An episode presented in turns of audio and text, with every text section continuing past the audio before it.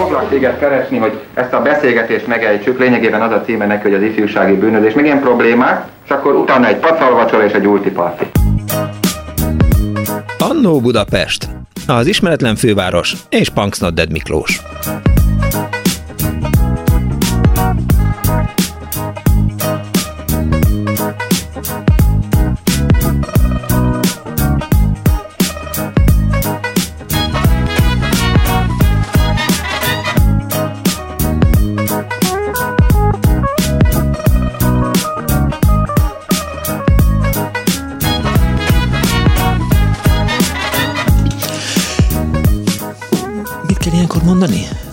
Hogy, hogy nyilván van ilyen rádiós ezért tudsz, tudod, hogy jó napot kívánok, kedves hallgatók! Ez itt a Klub Rádió, benne az Anna Budapest ezen a kalátos narrátorával, Punksneded Miklóssal. Nem, csak elmerültem a gondolataimban, mert a hallgatók már írtak SMS-eket, meg Kardos Józsi is ilyen hihetetlen anyagokat küldött át, és ráadásul a szerkesztő Árva Brigitta írt egy olyan ajánlót, amit hát Időnk mindig az internetre szokott kikerülni, de most azt gondolom, hogy, hogy felolvasom. Annó Budapest, a rádiózás hőskora. Önök kapcsoltak az ötödik sebességre? Ott voltak, amikor az egyre járó daráló megállt. Sikerült megkerülniük 30 perccel a földet, míg jó ebédhez szólt a nóta. Hétfő esténként a szokorra tapadt a fülük, hogy rádiókavarét hallgassanak, vagy inkább a táskarádiót hallgatták a lemezbörze helyett. Önöknek Szabó Ernő vagy Rajz János jelentette Szabó bácsit. Haló, itt vannak? Legyenek itt vasárnap délután. Szóval erről fog szólni a rádiózás hőskoráról ma az Annó Budapest 24 06 95 3, vagy a 24 07 95 3 a telefonszámunk, SMS-ben 06 30 30 30 95 3, és azt találtuk ki, amikor összeült a műsorbizottság, hogy egy kicsit beszéljünk azokról a legendás rádió műsorokról, amin önök felnőttek, mi felnőttünk, és egy kicsit Dani is felnőtt. Majd azért őt is megkérdezik, hogy melyik volt a, a kedvenc rádió műsor, mondjuk adott esetben a Kossuth Rádió, vagy a Petőfi Rádión, vagy a Bartók, illetve a harmadik műsoron. A Kalipszót nem mondhatod Dániel, a Kalipszó 873-at, mert eh, mert azt nem mondhatod. Szóval eh, hívjanak bennünket és eh, meséljenek, de a túlsó végén már itt van velünk Gálvölgyi János. Jó napot kívánok! Jó napot kívánok! Miklós itt a Rádió Kívánság műsora, kettőtől ötig műsorvezető, Takács Marika és Gálvölgyi János. Ezt hallgattam, be nagyon sokszor. ezt hallgattam minden minden áldott hétfőn. Ott ültem a, az MK 27-es magnóval, és vártam, hogy valami jó szám legyen. De persze Boniemet mindig csak utolsó számként adtatok le, és nem pontosan értettem, de nagyon sok számot vettem föl, tehát biztos, hogy, hogy a, a, a Morricone zenéjét onnan vettem föl, meg, meg mindenféle számokat. Hány évig csináltad te azt a műsort, János? Hát azt hiszem, hogy körülbelül tíz évig csináltuk Marikával, és én nagyon-nagyon szerettem, ez egy élőadás volt. Ugye amikor ez elindult, akkor Erdei Klárival és Vértesi Sándorral indult, és irgalmatlan népszerű volt, pont ilyen emberek miatt, mint te meg én, akik magnóztunk, és akkor abból lehetett fölvenni, mert nem beszéltünk bele, a, nem beszéltek ők sem, meg mi sem nem beszéltünk bele a számokba, ugye, ami a említett műsoroknál gyakran előfordult már, hogy belebeszéltek, és akkor, na mindegy, úgyhogy mi erre nagyon-nagyon vigyáztunk. És milyen volt eh, ezt a műsort csinálni? Én nagyon szerettem, egyrészt én szerettem az élőadásokat. Én amikor kezdtem a pályafutásomat, uh-huh. mondjuk a televízióban, ott is élőadást vezettem elég gyakran, és én nagyon kedveltem, mert, mert az úgy akkor és ott elhangzik, és azon már nem lehet változtatni. Úgyhogy én nagyon szerettem, és hát fantasztikus volt megjelenni a rádióban hétfő délután, ugye egy órára mentem be, és akkor említették már ugye Szabó Erdőt, Rajz Jánost, ugye a pagoda, ami ott a bejárat után volt egy ilyen üveg pagoda, ugye hát büfé. Pagoda, olyan pagoda, pagoda. A büfé, hát nem lehetett hétfőn leülni. Ott ült a Magyar Színház életkrémje, szóval aki ott nem jelent meg, az, az nem is számított. És ugye főleg a Szabó család foglalta a legtöbb asztalt, a Szabó család szereplői, az egyik asztalnál a Kálmán György, a másiknál Latinovic Zoltán, Gregus Zoltán. Olyan csodák ültek ott körülöttünk, hogy az valami egészen fantasztikus volt. Rengeteg rádiójáték készült, akkor még ugye a Szabó család bement kettőkor, csak akik maradtak, azok tudtuk, hogy rádiójátékosok lesznek, és akkor mentünk különböző stúdiókba. És nagyon, nagy, én nagyon szerettem, és még volt, ha szabad, hát minden anyagiakon múlik szokták mondani, hogy úgy volt, hogy a rádióban, amikor te rádiójátékban szerepelték, kaptál egy ilyen rózsaszín cetlit, és azzal mehettél akár rögtön a pénztárba. Ha mhm. rendes volt az asszisztens, akkor előbb odatta a cetlit, mielőtt fölvettük volna, és akkor ki lehetett menni az udvaron keresztül a pénztárba. Én például azt csináltam, hogy összegyűjtöttem, nagyon sokat rádióztam, és akkor bementem úgymond bankot robbantani, tehát volt nálam 5 ilyen papír nagyon-nagyon jó dolog volt. Én nagyon sokat rádióztam, és nagyon szerettem a rádiós műfajt. Ugye volt, hogy reggel 8-tól fél tízig vettünk fel egy rádióetikot, aztán kettőtől fél hatig, aztán volt, hogy éjjel mentünk még vissza. Volt egy kitűnő műsor, és itt nem lett megemlíteni, Sebessé János, aki egy fantasztikus ember volt. Volt egy olyan műsor egy rádiós naplójából, és rengeteg zenei felvétel volt például nála, olyan érdekességek, amit máshol nem lehetett hallani. Én például nemrég játszottam a Mennyei Hang című darabot, ugye, ez egy fantasztikus, nagyon gazdag nőről szólt, ez az előadás a játékszínben, akinek nem volt semmi hang, de a New Yorki Metropolitantől kezdve mindenütt énekelt, és például ott hallottam én először Sevessé Jánostól, akinek volt egy nagy lemeze ezzel a nővel, aki életében tiszta hangot nem énekelt, de óriási nagy sztár volt. Hogy került, de hogy kerültél be a műsorba, a kívánság műsorba? A kívánság műsorban úgy kerültem be, kérlek szépen, hogy ültem rádiójáték felvétele várva ott a pagodába. Uh-huh. És odajött hozzám, és köszönöm, hogy megkérdezted. Odajött hozzám egy rendkívül kedves, szimpatikus ember, azt mondta, László György vagyok. László György aztán szórakoztató osztályvezetője volt, aztán átkerült a televízióba, egy csodálatos, abszolút, ő volt a rádiós, a rádiós, a, talán onnan jobban ismerik, Mésző Kálmáról készült egyszer egy portréfilm, amiben ő megállás káromkodott, de azt is a László Gyuri csinálta, de most a ugrottam egy nagyot. Ott ültem a pagodában, odajött hozzám, azt mondta, hogy van kedve neked rádióműsort vezetni, vezettél már műsort. Nem mondom, a tévében igen. Azt mondja, a, a hétfői kívánság műsort egy ilyen először elkezdjük csak cserégetni, ezt lehet, hogyha beváltok, akkor Takács Marikával te fogod vezetni. Hát én ott ájultam, mert körülbelül úgy ájultam, mert minden Prudáliban engem fölkértek műsort vezetni, csak akkor már idősebben ájultam, akkor még fiatalon ájultam, és nagyon-nagyon így kerültem én be a kívánság műsorba. De nagyon sokat rádióztam, tehát nem voltam én akkor már két éves nyeretlen. Ja, tehát, hogy sem, se lámpalász, se semmi?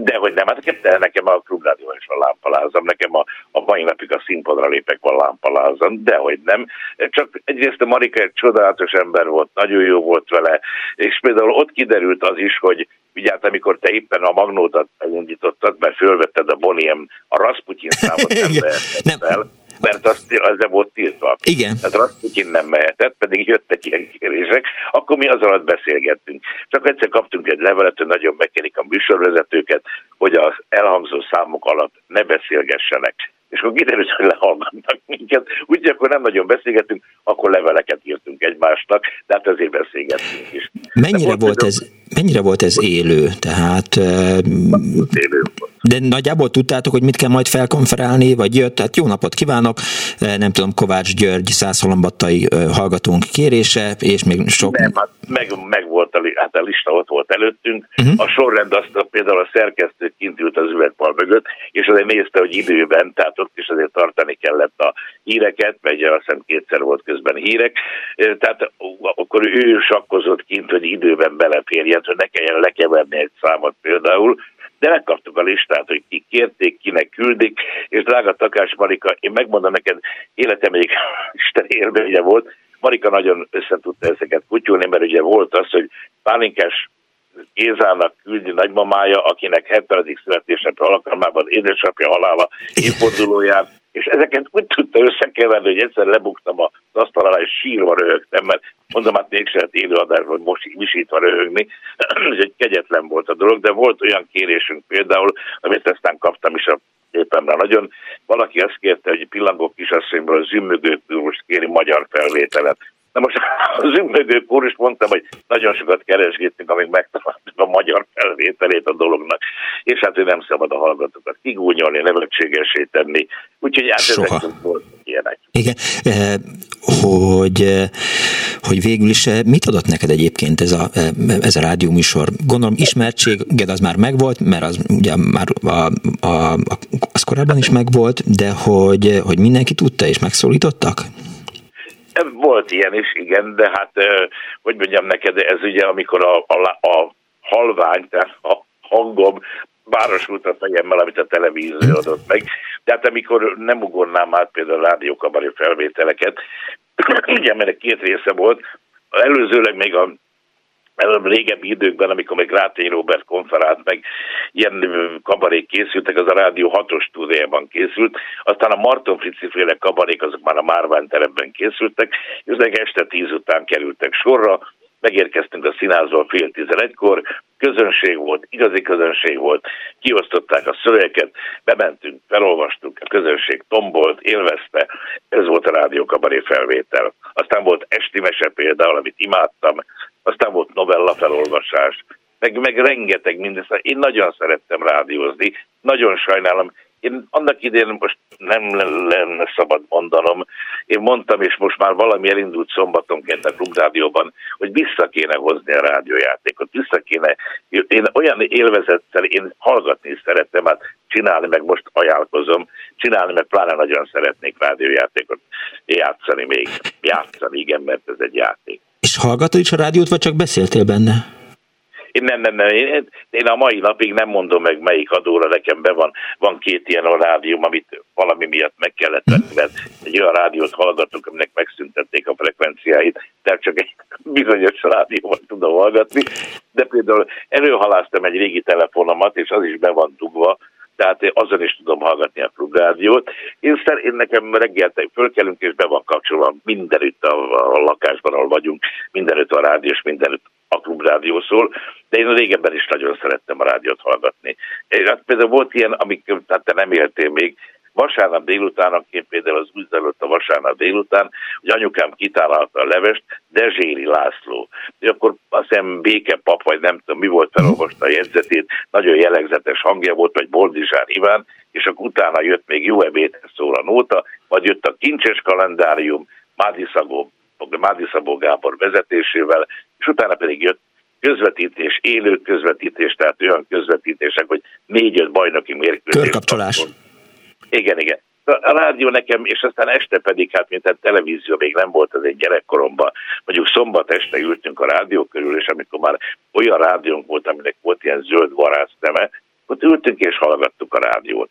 De például a Szabó családot mondtad, én emlékszem gyerekfejjel, hát azért már nagyobb gyerek voltam, egy ilyen délután, nyári délután volt, utána lehet nézni, és akkor én emlékszem Lapály utcában leütt a Szabó bácsi, aki egy portás volt valahol. Így indult a Szabó család. Aztán magam is előfordultam a Szabó családban, nem jellemző módon, mert azért ez egy nagy kötöttség volt, aki abban bekerült. Én aztán később szinkronban tanultam meg, ha elkaptál egy sorozatot, akkor ez kísértett, és mindig lebegett, hogy a jövő héten mit nekem volt ilyen a Derik, meg ilyen sorozatokat csináltam, tehát a Szabolcsádban bekerülni ez egy nagyon nagy dolog volt. Aztán például, hogy én nagyon szerettem gyerekkoromban a Csimbum cirkusz, amire nem nagyon emlékeznek. Te emlékszel még rá? Dehogy, dehogy. Az, amikor Csimbum cirkusz volt, szerintem én még egy, egy pajzán gondolat voltam csak. Na, ez fel lett aztán újít a Bumbele cirkusz címben, amiben magam is benne voltam, mert Csimbum cirkuszban csoda színészek, Rátenyi Robert volt, a Robi Robi Robogok, akkor Alfonso, Petes Ferenc, a Istálomester bácsi, meg Balázs István, akkor Keleti László, aki nekem aztán tanított a főiskolán, mint Szamúca Ábris, de annyi, annyi jó dolog volt a rádióban, és a rádió azért tényleg, hát miután televízió nem volt, rádióra volt ráutalva mindenki, és manapság, amikor úgy nagyjából egy műsort látsz az összes csatornán, majdnem, most hírekről, meg egyebekről beszélek. Hát ez egy nagy változás lehetett, gondolom én, mert ez annyira öreg nem vagyok, amikor már mást is hallottál, nem csak híreket, és nem csak propagandát hallottál a rádióban. De te kergetted a Petőfi és a Kossuth és a harmadik műsor, vagy az URH között?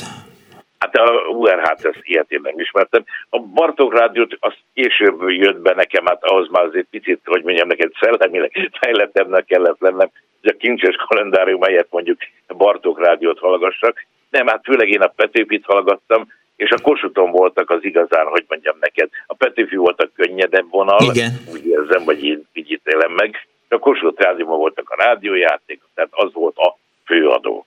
Tehát én például kivágtam még fiatal koromban, a rádióságban benne volt esti mesét elmondja Gálvölgye. Tehát ilyeneket is kivág, és benne volt rádióság. Őrület. Őrület. És ráadásul ugye volt, tehát falu rádió, de hogy még volt reggeli torna is a Kossuth rádión. Látod, azt nem, azt nem hallgattam meg, a föltettem még aludtam. Igen, igen, nyilván, mintha emlékeznék rá, hogy akkor most eh, tárjuk ki az ablakot, és lélegezzünk mélyeket, és akkor eh, törzshajlítás, de lehet, hogy behalusztam, és lehet, hogy nem volt, de szerintem a falu rádió előtt volt, és aztán persze kezdődött eh, a Kossuth rádióban a, a, a reggeli krónika, vezeti Györfi Miklós, és, igen, és hát azt... ez már, igen, ez már odébb volt. Hát aztán volt a 168 óra, egy itt tűnő műsor volt. De az például olyan volt nekem, mint nem tudom, most majdnem mondtam Bolgár, hogy, hogy azt ha lehetett, mindig meghallgatta az ember, Igen. mert abban azért, abban azért már, már voltak, de most már nagyon előre szaladtunk az időben, és még a, régebbi időkről próbáltam neked beszélni, megmesélni. Jó, akkor mondjál egy, egy rádióműsor kedvencet, még azon kívül, amit eddig nem mondtál. Húha, Hát aztán ugye a felvezetőben volt 30 perc ott a földről, ami nekem azért volt borzasztó érdekes, és nagyon szerettem hallgatni, mert ugye akkor nem volt utazás, és akkor olyanokat hallottál meg, hogy mi történt Londonban, Igen. mi történt Igen. Párizsban. Háber László jelentkezik Párizsból, a Párizsi tudósító. Hát szóval ezek fantasztikus dolgok voltak, tudod. Útkor hallottam egy nagyon érdekes történetet, eszem pont róla, hogy ugye kim volt Párizsban, és valami futballmeccs volt, de életében nem közvetett futballmeccset, és megkérték, hogy ha már ott van. És az első fél időt még csak úgy, úgy próbálta, és nagyjából stimmelt is. A második fél időben hosszasan kapcsolgatták őt, és nem kapcsolták. És mondták, hogy Hábel, Hábel, Hábel. Azt mondta, itt vagyok, de nem értem az egészet, de most visszafele játszanak, tehát össze-vissza rúgják a labdát. Fél időben cseréltek térfelet. Ilyenek is voltak. János, nagyon szépen köszönöm, hogy itt voltál. Én is köszönöm, és hallgatom rendületesen. Viszont hallásra, szervusz! Gálvölgyi János, Kossuth és Jászai Mari Díjas, magyar színművész, parodista, szinkronszínész, a Klubrádió munkatársa volt az elmúlt néhány percben az Annó Budapest vendége. Annó a rádiózás hőskora itt a Klubrádióban 24 06 95 3, 24 07 95 3, SMS-ben 06 30 30 30 95 3. Már írtak is a hallgatók rengeteg SMS-t, azt írja az egyik hallgató, hogy 168 óra Mester Ákos, Bölcs István, kinyer majd játék és muzsika 10 percben, aki kérdez Cigány György, Boros Attila, Zsoldos Péter, aki válaszol Bárány Ernőné szövetkezeti bedolgozó, mindent tudott, tisztelettel írja a síkító fűrész, és valóban egyébként, tehát az nekem egy nagy csoda volt eh, gyerekkoromban, hogy így mondták, hogy kapcsoljuk az Asztória szállóhalját. Ez mondjuk szentesen így nem értetted. Hát mi az, hogy szálló, meg mi az, hogy halja, és hogy kapcsoljuk. Tehát az, az volt a kész csoda. Egy másik hallgató azt írja, nekem az egyik rádiós kedvencem a 30 perc alatt a föld körül, gyerekkoromban pedig a Mikrobi rádió, rádiójáték volt Csákányi Lászlóval a főszerepben, és a hallgató azt írja, hogy a Bartók legkorábbi neve URH volt, csak ezután lett harmadik műsor. Köszönöm szépen. A vonal túlsó egy hallgató. Jó napot kívánok!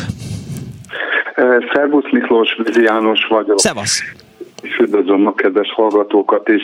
Hát a Gálvölgyi művész úr az egyik emlékezetes rádió műsor folyamat már felemlegette, gyerekként a Csimbum cirkusz volt minden vasárnap délelőtt a uh-huh. nagy attrakció. A már felemlegetett nagyművészek sorát bővíteném még, a Bilicsi Tivadar nevével, Latagár Árpád, Petes Ferenc, akik szintén rendszeresen fellépői voltak a Csimbum cirkusznak. Egy áthallásos érdekességet felemlegetnék a Phoenix Game program beta verziója, mert a Csimbum cirkuszban is megjelent, uh-huh. ugyanis a... Haló? János, hallgatlak, hallgatlak, mondjad. Jaj, bocsánat. E, gyakorlatilag volt egy szlogen, aminek a lényege abban állt, hogy a bukfent mindent tud, mindent lát. Uh-huh és hát itt asszociáltam arra, hogy ez a Főnix program beta verziója lehetett már. Ja, már mint a Pegazusra gondolsz. Hát mindegy. Minden tudott, mindent látott. Igen. Egyébként minden hétfő reggel a Zóviba, később az iskolába, a gyerekek körébe rendszeresen téma és értékeltük ezt a vasárnapi műsor folyamot, ami hát tényleg nagyon vidám és szenzációs volt. De János? A felnőtt férfiak azok meg a hétvégi körmérkőzések, Igen. közvetítések élményét emlegették föl. János? Ez volt Hallasz engem? Ilyen rádió műsor folyam, amire szívesen emlékszem vissza. A másik talán szintén felemlítésre került az előbbi beszélgetésbe, minden szombaton, ez az 50-es évek második felében volt emlékeim szerint, uh-huh. volt a szombatesti Tarka Barka című kabléműsor, ennek Darva Szilárd volt a konferenca, és hát egy szenzációs egyéniség volt, a humor az árad belőle, és általában minden alkalommal azzal indult a műsor, hogy egy akkor divatos sláger dalszövegnek a verseit sorról sorra elemezve, uh-huh. annak a mindenféle banális elemeit pellengére állítva jelenítette meg, hogy hát itt a szegény magyar hallgatóságot mivel a dalszövegírók. János? János? János, miről szólt a, a Csimbum cirkusz? Ja, bocsánat, mert nem hallom a másik oldalról, Igen, ez a baj. visszajelzés, kérdezés. Végül még a három Na. adónak a históriájához kapcsoltan mondanám, hogy gyerekként annak idején elég sok nyarat töltöttem vidéken, ahol a vezetékes rádió volt a az egyetlen szinte hírforrás. Minden házba be volt húzva vezetéken egy hangszóró, ami Igen. volt egy háromállású kapcsoló. Kossuth Petri, még akkor Bartok rádió nem volt, hanem a harmadik az a községházának volt a mikrofonja, ahol emlékeztették a gazdákat, hogy lejár a beadás, búza beadási határidő, meg ilyen olyan határidők, ne felejtsék el beszállítani a termést, és így tovább.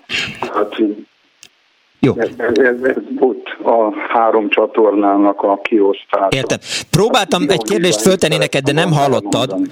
Úgy látszik, most sem. Hallasz? Most ebben a pillanatban igen. Jó. Hogy mi volt a Csimbum cirkusz? A Csimbum cirkusz tulajdonképpen egy zenés műsor volt, gyakorlatilag én emlékeim szerint a fővárosi nagy cirkuszból élő műsorként ment az adás, és azt rádión közvetítették. Igen? Tehát ott volt poronmester, ha hmm. jól emlékszem, a poronmester volt a Petes Ferenc, és gyakorlatilag a szokásos cirkuszi bohót tréfák sora következett egymás után, egy jó részt elsősorban gyerekeknek szóló poénokkal volt mhm. fűszerezve. Értem. Köszönöm szépen, hogy hívtál. Én is köszönöm a Viszont hallásra. Azt írja Angyal János az Annó Budapest Facebook oldalán, egy-két technikai dolgot szeretnék megemlíteni. Emlékszik még valaki a középhullámú adókon a nyári zivatarok idején a viharszünetre? Ilyenkor lekapcsolták az adót, de ha volt, még előtt, idő előtte előtte bemondták, hogy viharszünet lesz, és kérik a hallgatókat, hogy földeljék le az antennájukat. Aki tovább hallgatta, annak csak recsegés szólt a hangszóróból. A másik technikai emlékem más földrészről szóló sportközvetítések, például a Tokiói olimpia vagy a Chilei labdarúgó VB. A Magyar Rádiónak nem volt elég pénze, hogy telefonvonalat foglaljon, így rövid hullámú átjátszókon keresztül jött szepesi hangja, ami ezáltal kicsit torz és zavart volt. Kitűnő példa erre az azóta is sokszor hallott vízlabda döntő, a Rusorán lőj, lőj hangzott el. Még említem, hogy a csilei labdarúgó VB idején helyezték üzembe az amerikaiak az első telekommunikációs mesterséges holdjukat, a Telstart. Erre az alkalomra írt zene, akkor is volt nagy sláger, írta Janika. Köszönöm szépen, egy újabb hallgató van a vonalban. Haló! Szervusz Miklós, Éva vagyok. Szevasz! Én a reggeli csúcs című műsorra szeretnék emlékezni ez gyerekkoromban nagyon meghatározta ugye mindennapokat, amikor ilyen hat fél hét, nem tudom pontosan mikor indult, egy ilyen madácsi csergés volt a szignálban, és egy ilyen nagyon kedves női hang mondta be, hogy jó reggelt, igen, és volt egy ilyen igen, igen, szintetiz- igen. szintetizátoros szignál, és, és én Ördög Csillára emlékszem, akit utána kerestem, hogy mi lett vele, vagy, vagy hová került ő. Egy nagyon kedves műsorvezető volt, és ilyen saját gondolatokat fűzött helyzetekhez, szituációkhoz, könyvekhez, neki volt egy ilyen jegyzet rovata. És barom jó zenék voltak, mindig volt. Peter Gabriel, Tears for Fears, onnan szedtem fel egy csomó zenét akkor, 87, 8, nem tudom, szerintem ilyen 80-as évek vége, 90-es évek elején volt ez a műsor, mindig a Petőfi Rádión szólt, Igen. reggel volt, nem emlékszem úgy teljesen tisztán rá, csak a hangulatára, hogy én onnan kezdtem el így nagyon rádiót hallgatni, mert én azt minden reggel hallgattam, és én Debreceni voltam, és ugyanilyen misztikus volt Budapesten, amikor először láttam a rádiószékházat, hogy hú, ez innen szól, meg ide jönnek be a műsorvezetők, Úgyhogy az nekem egy nagyon meghatározó élmény volt, így a Petőfin az a reggeli csúcs. De mi volt a reggeli csúcsban? közéleti, meg ilyen sporthírek voltak a Török Lászlóval, arra uh-huh. kifejezetten emlékszem, hogy az mindig volt, de szerintem ilyen, ilyen kulturális ismertetők voltak, ilyen zenékről, meg könyvekről, erre emlékszem, tehát hogy, hogy igazán örülnék, hogyha valaki kiegészíteni, hát ha még valaki emlékszik erre. Én a zenékre voltam kihegyezve, hogy, hogy én sok mindent ott fölvettem kazettás magnóra azokból a zenékből, amiket ott ott adtak. De azt nem szólt neked senki sem, hogy a magnósok figyelem, vagy mondjuk a, a lemezbörze helyettet kell hallgatni, és onnan felvenni hát, zenéket? Vettem én mindenhonnan föl, de azok voltak a legjobbak, amikor csak egy-egy ilyen részlet sikerült. Az... Én azokat a kazettákat nagyon szerettem, ami, és rá volt írva, hogy vegyes, és akkor így minden volt rajta és akkor ráadásul rábeszéltek a műsorvezetők. Köszönöm, pontosan, szép, pontosan. köszönöm Én szépen, a reggeli csúcs eddig még nem hangzott el, úgyhogy már is beje vagyunk. Köszönöm szépen, viszontlátásra, szia! Oké, okay, szia, szia! 24 24 azt írják a hallgatók, hogy én a 60-as évek elején én kapcsoltam be a kis fekete dobozt Lábújhegyen a székről, mert falra szerelte a család, én meg kicsi voltam, pár évvel később a nagy kedvencek a vasárnap délutáni mesejátékok voltak, a mikrobi, a mikroboter például, és és aztán a képzelet, igen, most mindjárt azt a képzeletet a szuperhangok és az effektek segítették már, mint a mikrobiban írja a hallgató. Éva egy másik év azt írja, hogy ne feledjük a színházi közvetítéseket sem. Egy hallgató arra hívja fel a figyelmet, hogy édes a nyelvünk bagoly, vasárnapi koktél, vasárnapi koktél, azt majd mindjárt rá. Ja, igen, az vasárnap délelőtt volt. Magnósok figyelem, és a Bartók Rádió neve soha nem volt URH, csak népnyelv hívta így, miután, miután URH készülék kellett a vételéhez írja a hallgató, még a másik két adáshoz közép hullámon is fogható volt. Igen, valóban 540, illetve hát 964 volt talán, amit hol lehetett hallgatni a Kossuthot és a Petőfit egy másik hallgató. Ez itt a Bagoly, volt ilyen éjszakai műsor, tánzenei koktél fél egykor, öt órai tea, kányakata. Másik hallgató, Punks Not Dead sajnos Punks Not Dead sajnos 15 évvel fiatalabb, így, mint én, úgyhogy lehet, hogy nem nem, na, nem tudja, hogy a Happy Day zene, ami eh, Pálinkás reggeli műsorában megy, a standard, a Kossuth Rádió reggeli műsorában is ment, amikor még alsós voltam 60-tól 64-ig, itt már csak így a eh, hallgató nem írt kérdőjelet, hanem én tettem oda, nem is tudtam, oké, rendben van. Eh, nem Rusuránra várt Szepesi, hanem Dömötörre. Rusorán mellé lőtte a büntetőt, és Szepesi csak azt hajtogatta, hogy ennyi Rusorán mit tettél? Egészíti ki a hallgató. Nem tudom, hogy egyes betelefonálok hova teszik a telefonjukat, hogy nem a fülükre, az biztos, csak mondják a monológot. Igen, arra utalt a kedves hallgató, hogy én próbálok kérdést feltenni, és időnként nem hallja a hallgató. Majd most mindjárt kiderül, hogy igen-e, vagy nem-e. Haló. Nem-e. Haló, jó napot kívánok, üdvözlöm. Üdvözlöm, jó napot. a hallgatókat is. Nagyon jó a téma, jó témát választott szerintem biztos sokan fognak még jelentkezni. Nem is fogom nagyon hosszúra húzni, mindenkinek maradjon. Én végig mennék a a, a, az életem egy kicsit, amit a rádió végig kísért, én arra emlékszem 14 éves, 15-16 éves koromban, amikor már hallgattam rádiót otthon, uh-huh. és egy videóton rádió volt, amin hosszú hullám, középhullám és rövid hullám volt csak, tehát akkor még a URH-ból nem, nem nagyon lehetett. Tehát én ezeket hallgattam, és a, főleg ugye a könnyűzenei műsorokat, a Komiáti György műsorára emlékszek, és akkor ugye a Szabad Európát a rövid hullámon lehetett hallgatni, ugye a Tinézser Parti, ami akkor érdekli a fiatalokat, vagy érdekelte a fiatalokat, és aztán, aztán én a koromban, amikor a műhelybe kerültem, volt egy néprádió volt, biztos emlékszik rá, hogy csak két állomás lehetett fogni rajta, Igen. amin a Kossuth meg a Petőfi szólt. Hát azt nem emlékszem, hogy akkor mit hallgattunk rajta általában, mert amikor az ember kell egy ilyen műhelybe is inas, hát elég el van foglalva mással is, de arra, és akkor arra emlékszem még, hogy aztán ott, ott a, a katonaságnál két évig nem lehetett rádiót hallgatni, mert tilos volt a sorállománynak rádiót bevinni.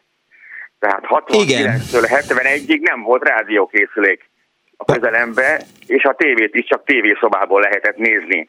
Tehát ez teljesen kiesett az életemből, és senkinek nem volt rádiója. Tehát nem tudom, lehet, hogy valaki becsempészett magának valamennyit, de azt határozóan emlékszem, hogy nagyon kemény büntetés járt azért, ha valakinél rádiót találtak. Ugye, mert az ellenség az nem alszik, hanem légyrésen. Igen. És rádióval ki tudja, hogy milyen titkokat lehet leadni. Igen. Gondoltam én. Igen. És akkor 60, akkor a 71-ben visszamentem abba a műhelybe dolgozni, ahol minas voltam, és akkor már emlékszem viszont, hogy akkor már nagyon sok műsort hallgattunk. Délbe például a Kinyerma ugye 12-től egyig volt ebédidő. Igen. Ezt nagyon szerettük hallgatni, és én próbáltam mindig megfejteni a, a kérdéseket, és akkor, amikor eltaláltam, a főnököm mindig megdísért, hogy milyen okos vagyok. Persze, hát ez csak néha véletlen volt, de néha azért tudtam is a válaszokat rá. Aztán nagyon jó volt az a sor, hogy, hogy uh, kabaré csütörtök, az a Petőfin volt. Hát azt nagyon szerettük. Azt nagyon szerettük hallgatni a műhelyben, akkor már többet is hallgatni, mert amikor az Ajaj. tud ilyesmire odafigyelni a figyelmet, és jobban tud dolgozni. Aztán nagyon szerettük hallgatni, például a Kis Imrének volt a Jazz Melódiák című műsora. Azt hiszem ez a Kossuth Rádión ment, kora délután kezdődött, azt hiszem 14 órakor valamelyik nap. Sajnos a napokra nem emlékszem, csak az idők a napszakokra, amikor ezt lehetett hallgatni. Ezt nagyon szerettük hallgatni például. Ez is egy nagyon jó műsor volt. Hát az természetesen a Szabó család, ugye, ami ment a, az ismétlések, ugye egyik nap az egy, a film, akkor egy, akkor, akkor ismételték, akkor azt is meg lehetett hallgatni. És aztán így, aztán bejött lassan az URH is, ugye, és akkor már lehetett hallgatni a, a komoly zenei, vagy a éppenséggel a jazz műsorokat is a harmadik ö, adón, ami akkor ugye nem is tudom, hogy hogy volt, vagy egyből Bartok rádió lett, vagy nem, már nem emlékszem. A harmadik műsor volt szerintem, de, ha, igen. de valaki majd, és arra emlékszem, hogy ott ugye gyakran lehetett hallani, vagy nem gyakran, de mondjuk naponta egyszer sztereó beállító jelet, igen, és akkor azt igen. mondták, hogy, hogy a bal csatornán most bal csatornán, öt, mit tudom, mit csoda, és én ültem, meg, meg vagytok őrülve. Nekem teljesen mindegy volt, azt sem tudtam, hogy miről beszéltek, de minden esetre végighallgattam, és akkor jött egy ilyen sípjel, és akkor a, az ember azt gondolta, hogy oké, okay, hát ez tök jó műsor.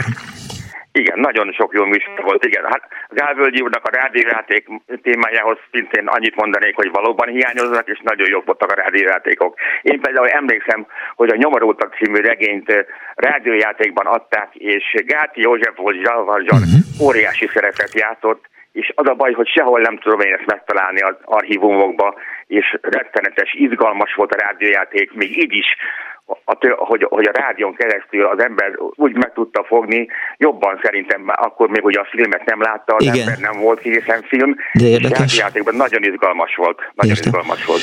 Köszönöm szépen, hogy hívott, Köszönöm uram. szépen, ennyi lett volna. Viszont hallásra. Azt írja a hallgató, hogy nem azért nem olvastam végig, kedves hallgató, az SMS-t, mert veled szórakozom, hanem azért, mert hogy ezek az SMS-ek általában több darabból állnak. Tehát, hogy a Juventuson volt kányakat a Cupido, Cupido címmel műsora, de ez már egy másik SMS-ből derül ki, csak az előbb nem láttam még a végét, úgyhogy nem, nem azért van, mert hogy, hogy vagy valami, egy társkereső műsorra volt évekig. Reggeli csúcs nekem is kedvencem volt, írja a hallgató, ha Boros Lajos vezette, jól indult a napom. A másik kedvencem gyerekkoromban az ötödik sebesség volt, Üdv Gabi. Valahonnan én úgy emlékeztem a hétfőn szerdán és pénteken volt ötödik sebesség, és abból az cikkekből, amiket Kardos Józsi átküldött nekem, azt olvastam, hogy amikor megszűnik a műsor, akkor volt egy interjú, készítettek egy interjút azzal, aki átvette, és utána egy másik műsorban folytatta, és beszélt arról, hogy az ötödik sebesség volt talán az első a magyar rádiózásban, amikor, amiben tegeződhettek adott esetben az interjú alanyjal az emberek, de majd valaki ezt mindjárt megmondja. Egy másik hallgató azt írja, imádtam Szilágyi János műsorait, haló itt vagyok, senki többet harmadszor, négyszer négy vetékedő, vasárnaponként pedig a gondolatjel, a poptarisznya, és el ne felejtsük, hogy, és ne felejtsük el, és akkor most nem találom a végét. Mánál eltöltött nyarak elmaradhatatlan emléke, a húsleves szokorrádió, déli hangszóró, krónika. Gyerekként minden kabaré csütörtököt meghallgattam. Annyira rádiókabaré rajongó voltam, hogy amikor Pesten volt dolgom, írja a hallgató SMS-ben a 0630 30 ra többször is elsétáltam a Magyar Rádió felé, hogy legalább kívülről lássam a márványtervet, írta Smelka Sándor. Halló, jó napot kívánok! Halló! Halló! Kész csók, jó napot! Jó napot kívánok! Én próbálok olyat mondani, amit még más talán nem. De jó. Nem a legelejétől hallgatom a rádiót, hogy bocsánat. Nem jártam óvodában, ezért nagyon szerettem az óvodások műsorát délelőttönként. Aztán délutánonként volt a Nyitmikék. Ja. műsor. Azt Tud... is nagyon szerettem. Akkor volt, egy, volt olyan, hogy szívküldi vasárnaponként, ha jól emlékszem. De ez is ez nagyon-nagyon régen volt. Igen. Tehát ilyen 60, 60-as évek vége felé. Tudja, azon gondolkodtam, hogy, hogy oké, rendben, hogy vannak ezek a műsorok, de hogy például mi volt délelőtt a Kossuth rádión, vagy mi volt délelőtt a Petőfi rádión, arról igazából nincs fogalmam, és most, hogy mondja, hogy, hogy óvodások műsora, hm, egy kicsit így elcsodálkoztam. És akkor különböző, különböző óvodákból adták a műsort, tehát a Levente Péter és Guiros Vilmos ö, vezették időnként, és én nagyon-nagyon szerettem Értem. Valamikor ön írt a rádiónak? Milyen viszonya volt az intézménnyel? Hát semmilyen viszonyom nem volt. Csak bekapcsolta és szólt, ja. Nem, nem igazán tud, tudtam ebbe bekapcsolódni. Aztán még egy felnőtt műsort, amit inkább a szüleim szerettek hallgatni, Cigány György és Rapcsányi László vezették. Ilyen vallási, mm, és hát a műsor címét sajnos nem tudom megmondani, de hát úgy én is bele-bele hallgattam, és ez is egy, egy különleges műsor volt szerintem. Értem. Köszönöm szépen. Köszönöm szépen, hogy hívott. Minden jót. Kész csók, viszontalás. 24 azt írja a hallgató, hogy a reggeli csúcsban angol nyelvlecke, slágerek, Herceg János matekrejtvények, írta a hallgató, lehet, hogy az SMS-nek nincs meg a másik vége. Nagyon szerettem gyerekként a térképen követni a vízállás jelentést, naponta 13.45-től 14 óráig, igen, és természetesen a, a kívánság műsor előtt is az szólt, és hát ha már itt tartunk, akkor nekem csoda volt, amikor egyszer kint voltam a Regensburgban, valamikor a 80-as évek végén, amikor először kaptam útlevelet, és azt mondom, hogy te jó Isten, Regensburg, amit Regensburg Schwabelbeis, amit állandóan hallott hallottam a, a, az időjárás és vízállás jelentésbe, és akkor, hogy lejjebb árad, e, apad. Oké, okay, ezt mindenki tudja, hogy miről van szó. Halló, jó napot kívánok! Haló! Jó napot! Jó napot kívánok, Goldenár Ferenc vagyok, Ráckebéről. Üdvözlöm! Én két műsort szeretnék megemlíteni. Az egyik a 168 óra, meg a gondolatjel.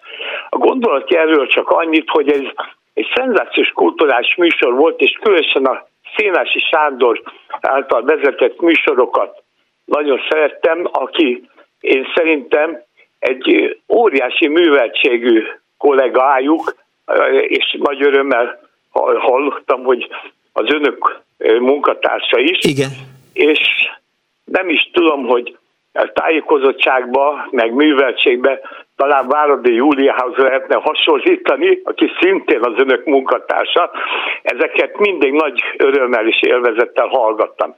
A másik a 168 órát, de itt egy emlékezetes adást szeretnék megemlíteni. Na.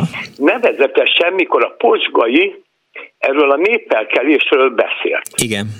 És az az igazság, hogy éppen a, akkor ilyen aglegény korszakomat éltem, inget vasaltam, és közben hallgattam a 168 órát, és, és hímezett, hámozott olyan dologról, amit már mindenki évek óta tudott, egy népfelkelés volt, és nem merte valahogy kimondani, és dühített az, hogy mondom, miért nem lehet egy ilyen pasas határozottan azt mondani, igen, szerintem is ez volt, népfelkelés. Na, szóval, de egyébként a 168 szor egy nagyon szenzációs, remek műsor volt, bátor volt, szókimondó, és nagyon autentikus. Hát az is egy olyan rádióműsor volt egyébként, hogy, hogy azt mindenki kötelességének érezte, hogy meghallgassa. Tehát, hogy, igen, hogy, igen. hogy szombat délután az embernek igen. egyetlen egy dolga volt, hogy meghallgassa a 168 órát, mint ahogy vasárnap délután is egyetlen egy dolga volt, 11-től meghallgatni a... mentem a buliba utána. Igen, 11-től meghallgatni a gondolatjelt, ami, ha jól emlékszem, ugye az mindig úgy volt, hogy, hogy egyik héten eh, Györfi Miklós vezette és Bölcs István szerkesztette, másik héten a, fordítva. Igen. Fantasztikus műveltségű embernek tartom. Az nem kétséges. nagyon-nagyon örülök, hogy a Klubrádió munkatársa. Én is nagyon örülök ennek. Köszönöm. Köszönöm szépen, uram. Viszont hallásra. Viszont hallásra. Technikai ötlet. Ékezet nélkül nem bontja kb. 60 darabra az SMS-t, írja a hallgató. 60 karakterenként darabokra az SMS-eket. Szerintem érdemes így írni, javasolja egy hallgató. Egy másik azt írja, hogy a Sirius kapitány kalandjai rádiójáték három gyerek nyaramat aranyozta be. A vízállás jelentés elejét bármikor blattolva elmondom, lehetne a klubrádiónak, majd azt mindjárt közben ugye frissül az SMS fala, lehetne a klubrádiónak online archívum gyűjteménye, például a színházi közvetítéseket szívesen visszahallgatnám. Jó műsor megint írta Anna, és másik hallgató, és most jut eszembe Györf Miklós Éjszakai Bagoly című műsora, érettségire készülve, e, jó, közben e, frissül, érettségire készülve 1985-ben is hallgattam, szerettem nagyon, írta Rita. Azért biztos lesz majd olyan hallgató, aki egyrészt írt a rádiónak, másrészt szerepelt benne, harmadrészt e, elment a Astoria szálló haljába, és nyert ott valamit, és ugye volt ez a műsor, és a Facebook kép alatt is az van, hogy mit üzen a rádió, mit üzent a rádió, volt egy ilyen eh, műsor, amikor eh, hallgatói kérdésekre reagáltak eh, a, a Kossuth Rádió nemzeti főadó szerkesztői, ha jól emlékszem, de aztán persze lehet, hogy tévedek. Haló! Haló! Jó napot! Személyeves vagyok. Az előbb említette, hogy nem tudják, hogy mit, mit adott a rádió délelőtt. Igen. 1958-ban ötödikes volt, ami délután jártunk iskolába, és így aztán délelőtt én rádiót hallgattam általában ezt írás közben, és ugye azzal kezdődött a dolog, hogy a 8 órás évek után azt hiszem volt egy olyan, hogy óvodások most, ezt említette már a hallgató, aztán volt egy nők negyed órája, uh-huh. ahol ö, ö, ott még nem recepteket mondtak el, hanem különböző női tanácsokat, meg varrás, meg mit tudom én, ilyesmikre emlékszem, és aztán volt egyszer fél óra, és még hozzá Túrós Lukács mondta el a a, a primábbá, témába recepteiket, recepteit meg, meglehetősen furcsa hangsúlyozással, kicsit olyan, hogy egy csépát, szót, stb. stb. Ezt élveztem magára benne, és ami még nagyon érdekes volt, délelőtt volt jazz és Szabó Beamter duóját, a Szabó József Beamter valami fantasztikus dolgok volt, és tulajdonképpen ott szerettem meg a jazz gyerekkoromban, mert ez egy olyan élmény volt, hogy élőben lehetett őket hallani. De nem volt akkor túl amerikai a jazz? Tessék? Nem volt akkor tiltott műfaj a jazz? Nem volt politikailag, hát a jazz az akkor is jazz volt, és Szabó József valami fantasztikusan játszott zongorán, meg hát beálltam a klubban, meg a vibrafonnal, szóval az, az, az nyugodtan adták minden további nélkül. Értem. Meg érdekes élményem volt, még 56-ban nálunk egy pofonnal kezdődött a forradalom, mert hallgattam a rádiót, és akkor valamiféle ropogás kezdett el. Uh-huh alatt, hanem mikor a nővérem megjelentett, hogy ezek rövések voltak. Aztán ezen összevitatkoztak az apámmal, kapott egy fülest is, aztán bemondta a rádiójadásunkat megszakítjuk. Mert a felkelőt elhatták a rádiót. Igen. Értem. Köszönöm szépen, hogy elmesélte. Én is köszönöm. Viszont, Viszont hallásra. Hallgatói SMS-ek, sok más mellett emlékezetes nevek, például Salánki Hédi, zenei szerkesztő tűzijáték zenével, Göcé Zsuzsa, Göcé Zsuzsa, igen, e, és e, a politikai műsorban Kardos Ernő és sok más klubrádiós mellett e, Bolgár Szente Szénási, Várdi Üli, aztán az Esti Krónika, Havas Forró, stb. írta a kedves hallgató. Miska bácsi leveles ládája már felnőttként a Gyere haza Mikka Makka Bolgár a Kossuthon, reggeli gyorsban pikópánkás adta egymásnak alapot, írta egyik hallgató, vízállás jelentés, hajóvonták találkozása tilos. A nagykunság közepén értelmezhetetlen volt számomra ez a kifejezés, egyetértek. Eszembe jutott még a csúcsforgalom közlekedési műsor Petres Istvánnal és a 20-as stúdió Hegy Imre tényfeltáró műsora, de érdekes, mennyire volt tényfeltáró nem emlékszem rá, azért kérdezem a kedves hallgatótól. Vízállás jelentésére a hallgató nem csak délután volt, hanem éjjel, oroszul és franciául. Voltak idegen nyelvű hírek is, eh, ha jól emlékszem, a, a Petőfin. Eh, és azt írja egy hallgató, és nagyon dühös volt, amikor megszüntették a gondolatjelet, az új zenei újság és a kinyerma voltak még a kedvenceim, írta Zsuzsa.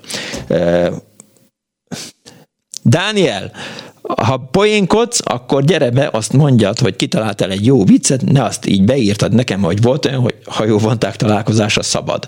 Hát ezt nem tudom, de szerintem, ha Értem, jó de most poén. mondd azt, hogy nem humoros. De, de, Nagyon sokat de, gondolkoztam de, rajta. Tök, Az elmúlt 53 perce vezetett. Nem, az az érdekes, hogy, hogy, hogy azt nem sikerült az elmúlt pár hónapban elérni, hogy legyen egy mikrofon, és tudjál velem beszélgetni adás közben. Parancsolj. De nem, mert közben be kéne adni a hallgatót, el kellene kezdeni Soha mondani, hogy, hogy mi volt a kedvenc reggeli rádióműsorod például. Mikor szerepeltél először a rádióba? Ott voltál-e az ötödik sebesség egyik műsorába? Nem. Akkor, amikor a Magyar Rádió beszámolt arról, én, volt egy olyan, hogy, hogy Hódmezővásárhelyről jelentkezett, szerintem a Petőfi Rádiónak valamelyik műsora, és és akkor a kis Punksnoddel, aki ugye akkor a Komócsin Zoltán vendéglátóipari szakközépiskola iskolát erősítette, illetve hát gyengítette. Minden műsorban elhangzik egyébként egyszer ez a név. Melyik Komócsin Zoltán? Igen, igen, igen, igen, de annyira hülye, annyira hülye, hülye név. Komó, ez a bizonyíték arra, hogy jártál iskolába, igen? Komó... Nem. Szia. Mondd kérlek tovább. Szia, szia, nem, nem, beszél, de, de, de nem, nem beszélgetek veled. Szóval, igen. Nem beszélgetek veled. Na mindegy, és hogy, hogy egyszer én is szerepeltem a rádióba, mert hogy, hogy Jugoszláviában voltam építőtáborban, és, és akkor így behívtak, és akkor valamit így kellett mondani, vagy, vagy vetíteni, de nem emlékszem rá, aztán arra emlékszem, hogy egyszer később már szerintem Doszpot Béla műsorában szerepeltem egyszer, és akkor még édesanyámat is felhívta, hogy mekkora hülye a gyereke. Na mindegy, adjuk be a kedves hallgatót, mert az, az, az, az sokkal érdekesebb, mint te. 15 éves voltam, írja a hallgató, első gimnazista, és Kamjátó Gyuri bácsitól kértem egy számot a vasárnapi koktélba, lejátszotta, és magam annyira meglepődtem, hogy elfelejtettem fölvenni a vasárnapi koktélt és a kinyermát mindig hallgattam. Üdv, DJ! Halló, jó napot kívánok! Halló, tessék beszélni! Szervusz, Horváth Péter! Hello Péter, nagyon üdvözöllek, ölellek. Mi újság van? Kérlek szépen, már volt ezekről a műsorokról szó, de muszáj még egyszer megemlítenem. Az egy, és szegény Dániel sanáltja, hogy a, ö, ö, ilyen fiatal, hogy ezek a műsorokból kimaradt, mert ezek zseniális dolgok voltak régen. Az egyik ugye a gondolatjel, Igen. az előbb már egy úr említett vasárnap délelőtt, a másik a 168 óra, melyik szombat délután négytől volt. És képzeld, én mindig fényképeztem ezeken a napokon vidéken a, a családokat, és amikor ezek a műsorok mentek, persze zsebrádión hallgattam közbe fotózás, és szemtelen otthon a rádiót, és amikor a érdekesebb riportot, akkor szóltam az anyukáknak, hogy most tessék, most tessék átöltöztetni a kisbabát. Akkor nyugodtan tudtam hallgatni 8-10 percig a, a, a, a különböző riportokat, ezek zseniális. Nem, olyan nem volt, hogy én ezt kihagytam. Én ezt a kezdete óta hallgattam, amit, amit tartott. És mondanék még egy érdekes... És bo- bo- bocsánat, Péter, csak most, hogy így mondod, ugye most Igen. 21. század, meg minden, meg internet, de hogy, hogy ezek a rádióműsorok így egyszer elhangzottak, aztán kész, csá, vélátás, tehát, hogy, hogy, hogy nem, nem az volt, hogy megkeresem az archívumban, meghallgatom az ismétlést, valamikor majd újra játszák, nem, ez ennyi volt. Maximum olyan lehetett, hogy, hogy kiemeltek belőle darabot, tehát, hogy volt ilyen összedolgozás, talán Magyarországról jövök, meg, a, meg az Esti Krónika, meg a 168 meg a ezek között, ha, de, de lehet, hogy nem. Figyelj, ezek egyszer hangzottak, persze Igen. nem volt itt ismét semmiféle ilyesmi nem volt. Sőt, volt még egy, ugye a Színási Sándor már előbb valaki említette, zseniális riporter, nagyon örülök, hogy, hogy még, mindig dolgozik. Aki dolgozott, szerkesztette ugye a, a, a Bagolyt is, szerkesztette a gondolatélet is, dolgozott mind a kettőbe, és a mai napig baromi aktív, szóval hála jó Istennek, nagyon örülök. Ott volt még egy, egy vasárnap délutánonként volt egy Azt beszélik című műsor. Szerintem te nem, nem, nem is éltél még akkor. Nem. A Bolgár György, Bolgár György volt az egyik szerkesztője. Tényleg? Az is, az is nagyon jó volt az lassan délután, de most a, amit akarok mondani, a Pagoly című műsor, azt minden éjjel hallgattam, amikor volt, a Györfi Miklós szerkesztett zseniálisan, és képzeld el, a mai napig bennem hogy 1986. február 28-án, ez nekem itt be van égve, amikor az Olof Pálmét meggyilkolták Stockholmban, amikor a feleségbe egy moziból ment haza este, és képzeld, de éjjel fél egykor bejelentkezett a stokholmi tudósító, és elmesélte a történetet a rádióba élőben pénteken. Hm. Úgyhogy, úgyhogy ez egy fantasztikus történet volt, és ez mai napig, mai napig bennem van. Ez, ez, ez a sztori. Úgyhogy, úgyhogy ezek nagyon nagy élmények voltak, Miklós, nem tudom, hogy egyszerűen, egyszerűen nem is tudom neked ezt, ezt elmagyarázni, hogy, hogy ez nekem hogy hiányzik. Nekem el tudod magyarázni, és egy hallgató írta is, hogy, eh, hogy Hegy Imre oknyomozó dokumentumműsorokat készített Kovalik Mártával, és a Kossuth Rádió nem mindig volt olyan, mint manapság. Valóban, hát, hogy a Kossuth Rádió az egy, egy, egy okos rádió volt.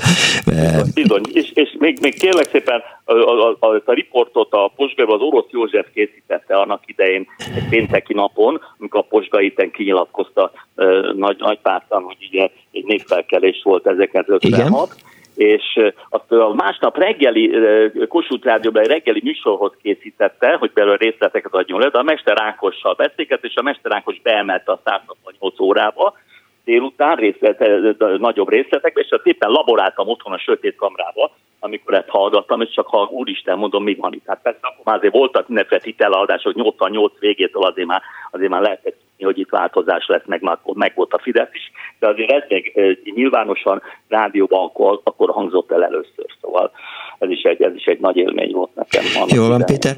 Köszönöm, Igen, hogy hívtál. Utolsó, utolsó várjál. Mond. Utolsó. Dániel látta már a megáll az időt, hogy erről már volt szó. Hogyne, persze, sőt.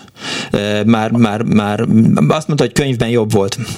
Na jó, el, úristen, az egy csodafilm. Azt jó van, oké, okay. szervusz. Na. Csok, csokolak, szia. Hello, azt írja a hallgató, hétfő, eh, hétfő 80-as évek eleje kívánságműsor, Petőfi műsorvezető Gálvölgyi, a Babilon folyói a könyökömön folynak ki, eh, hangzott el nyilván ebben az élő műsorban. János, remélem emlékszel erre a poénra. Nem tudom, hányan játszották azt, hogy, eh, hogy amikor meccset közve, meccs közvetítés volt a tévében, írja egy hallgató SMS-ben, akkor levették a hangot, és a rádió közvetítésen keresztül hallgatták olyan zseniális emberektől, mint Vas István Zoltán, Török László, Monár Dániel, Radnóti László, ha jól gondolom, de mondom, tehát már megint összefolytak az SMS-ek.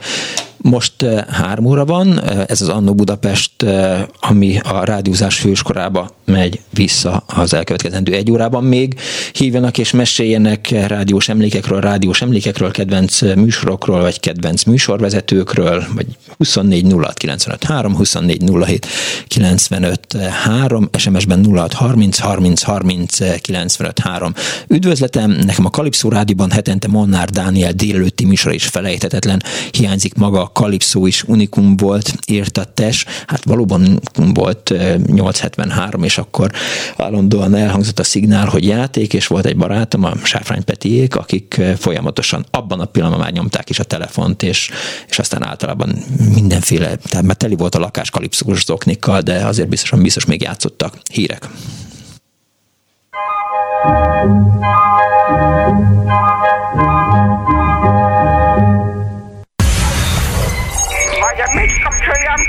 Rádiót, bocsánat. Jaj, igen, jaj. igen, igen. Elnézést. Jó napot kívánok. Mert ez a kis éppen olyan jó, és éppen azt teszi, amit kell. Annó Budapest, az ismeretlen főváros és Punksnodded Miklós.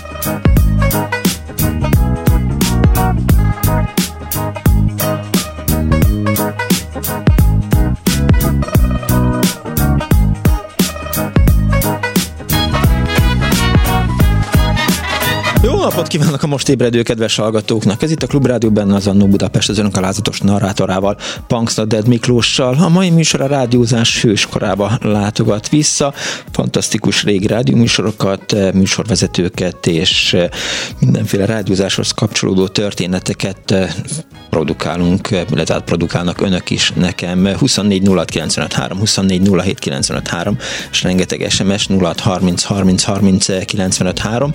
Azt írja a hallgató, hogy e, talán még emlékszik valaki Bőzseny Ferenc jellegzetes hangjára, biztos, hogy mindenki emlékszik rá a Kossuth Rádióban, és aztán e, azt írja a hallgató, hogy egy hali, egy gyöngyszem a magnósok figyelemből, következik a vér, veríték és könnyek, előadja Afrodité kísér a Child együttes, írta nekem István a 0630 ra és azt írja a hallgató, igen, volt minden adónak szünetjel is, és emlékezzünk meg a bemondókról és bemondó nőkről is, akik a híreket olvasták és a műsorokat felkonferálták.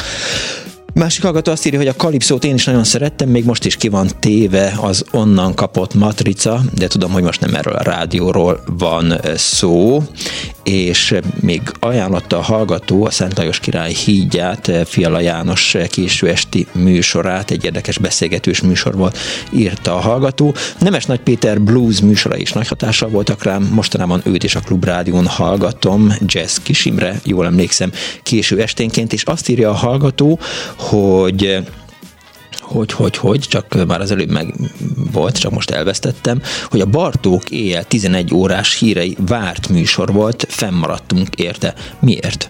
Halló, napot kívánok! A kérdést tettem én fel, hogy miért, és közben köszöntem. Most majd szétszedjük ezt a két dolgot. Halló! Halló, jó napot kívánok! Két csókom. Marian vagyok. Én egy 60-as évek elejé egyik elsős, első rádió élményemről szeretnék beszélni, ami nem a és a Petőfi rádióhoz kapcsolódik, hanem az Amerika hangjához, uh-huh. ugyanis lefekvés előtt én egy szobában aludtam a szüleimmel egy darabig, és lefekvés előtt mindig vagy a Szabad vagy az Amerika hangját hallgatták a szüleim már sötétben, és élő egyenesbe hallottam elalvás előtt a Kennedy gyilkosságot, pont, amiről akkor nekem még fogalmam sem volt, csak csak hát nagyon drámai volt az egész, ahogy fölvezették, meg, meg lehetett hallani a lövést, meg azt a káoszt. Ugyan gyerekként nekem fogalmam sem volt róla még, hogy mi történik, és azt sem tudtam, hogy ez most rádiójáték, vagy hírek, vagy nem tudom. Szóval ez, ez nekem egy ilyen fantasztikus első élményem. Arra emlékszik, hát, hogy, hogy mit szólt hozzá a család? Hát sötétben voltak, szóval akkor én voltam mind az egyszemgyerek, és akkor a szüleim már feküdtek, és sötétbe szólt a... a Szerintem nem, nem kommentálták nem, semmilyen reakcióra nem emlékszem, csak hát el kellett tenni egy kis időnek, mire rájöttem, hogy én mit hallottam. Hát igen, egy, egy világtörténet fontos eseményt igen.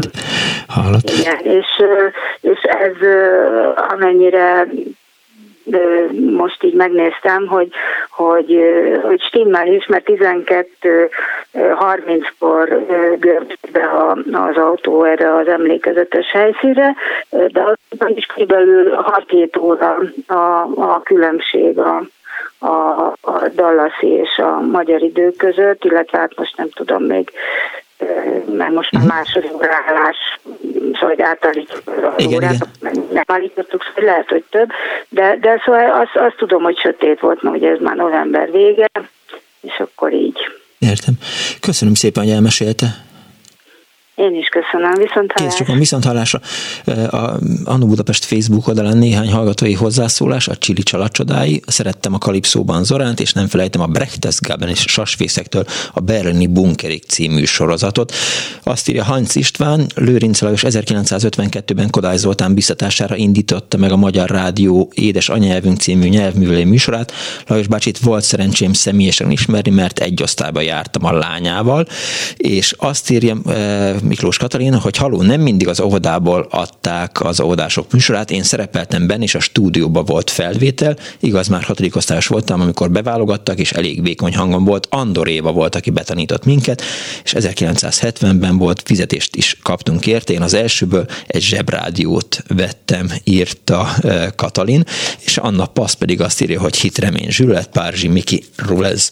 Hát van, aki ezt a nevet nem ismeri, biztos, hogy nincs. 24 06 95 3, a 24 07 95 3. Egy hallgató van a vonalban. Haló? Üdvözlöm Miklós, Horváth Barna vagyok, éppen szammogok Münchentől irányába, és innen is üdvözlik mindenkit a német autósok.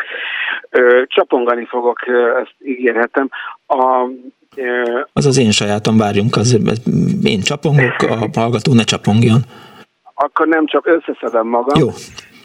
Több dolog van, egyes beszélnék főleg zenei műsor, nekem az egyik kedvencem az a szombat, Bartók, bocsánat, harmadik műsor 13-15, Göce, Göce Zsuzsa elkezdésében ugye a lemezbőrze helyett, ahol a jó cuccokhoz jutott hozzá az ember. Én pécsi srác voltam, és ugye akkor még hát broadcast volt minden, és mi általában, hanem a tehát én vagy, vagy a Herskovics Iván által szerkesztett listákat tudtam meghallgatni, uh-huh. mert a, a Bétót Lászlón röhögtünk, tehát főleg akkor az megmaradt bennem, hogy egyik vasárnap mondja, hogy mennyit változott a Spotnik együttes stílusa, és a Six Six Sputnikot adta le, tehát ez a US Bombs Coming Overhead, There Goes My Love Rocky Thread, és ő leszpotnikozta, és nem értette, hogy az nem ugyanaz, csak akkor ugye elég lassú volt még az internet, és nem tudott utána nézni. Ez megvan, ugye? Igen, Gondolom persze. ez a Six Six Sputnik. Hogyne, persze. No, és visszatérve a, a horvát adókra, ott azért a láncos kutya az mindig előrébb volt, és kicsit jövőbe mutató volt a stílus, és a, a, a zenei paletta is a, az akkori jugoszláv rádió. Egyre szeretném a, a figyelmet felhívni, nem sokan ismerik. Ez szombat délután 18-15-kor volt a Rock Express, autori Vodita Ante Batinovic, ő volt a, a szerkesztő, és egy körülbelül ilyen Helskovics Iván jellegű és ízlésű ember, és a legjobb zenéket 80-as évek második feléről beszélünk, olyan 85-től, tehát én ott, ott ismertem meg a, a Smith-t, a Cure-t, a korai YouTube, Simple Minds, ilyen bandák, uh-huh. és na mi ott kazettáztunk. Az újvidéki rádiónak Még is volt egyébként. Emlékszem, az is talán Petőfin volt, amikor komplett diszkográfiákat adtak le. Apám unszolásomra, akkoriban azt hiszem három hifi torony volt, volt a két videóton, a három részes és a kettő. A kettő részes az 27 ezer forint volt OTP részletre, és ugye a dekabban egy akai volt, ilyen dupla felvevős sávos, és pont a Rolling Stones sajnos most aktuális épp a Charlie Watts halála miatt, a Rolling Stones-tól ment a Beggars Bankit, Bankit lemez, és arra próbáltam ki az elsőt, szaros polimer kazettákon fölvenni, úgyhogy a, mm, hát főleg a zen élmény miatt, illetve hát a rádióságban mi is aláhúztuk.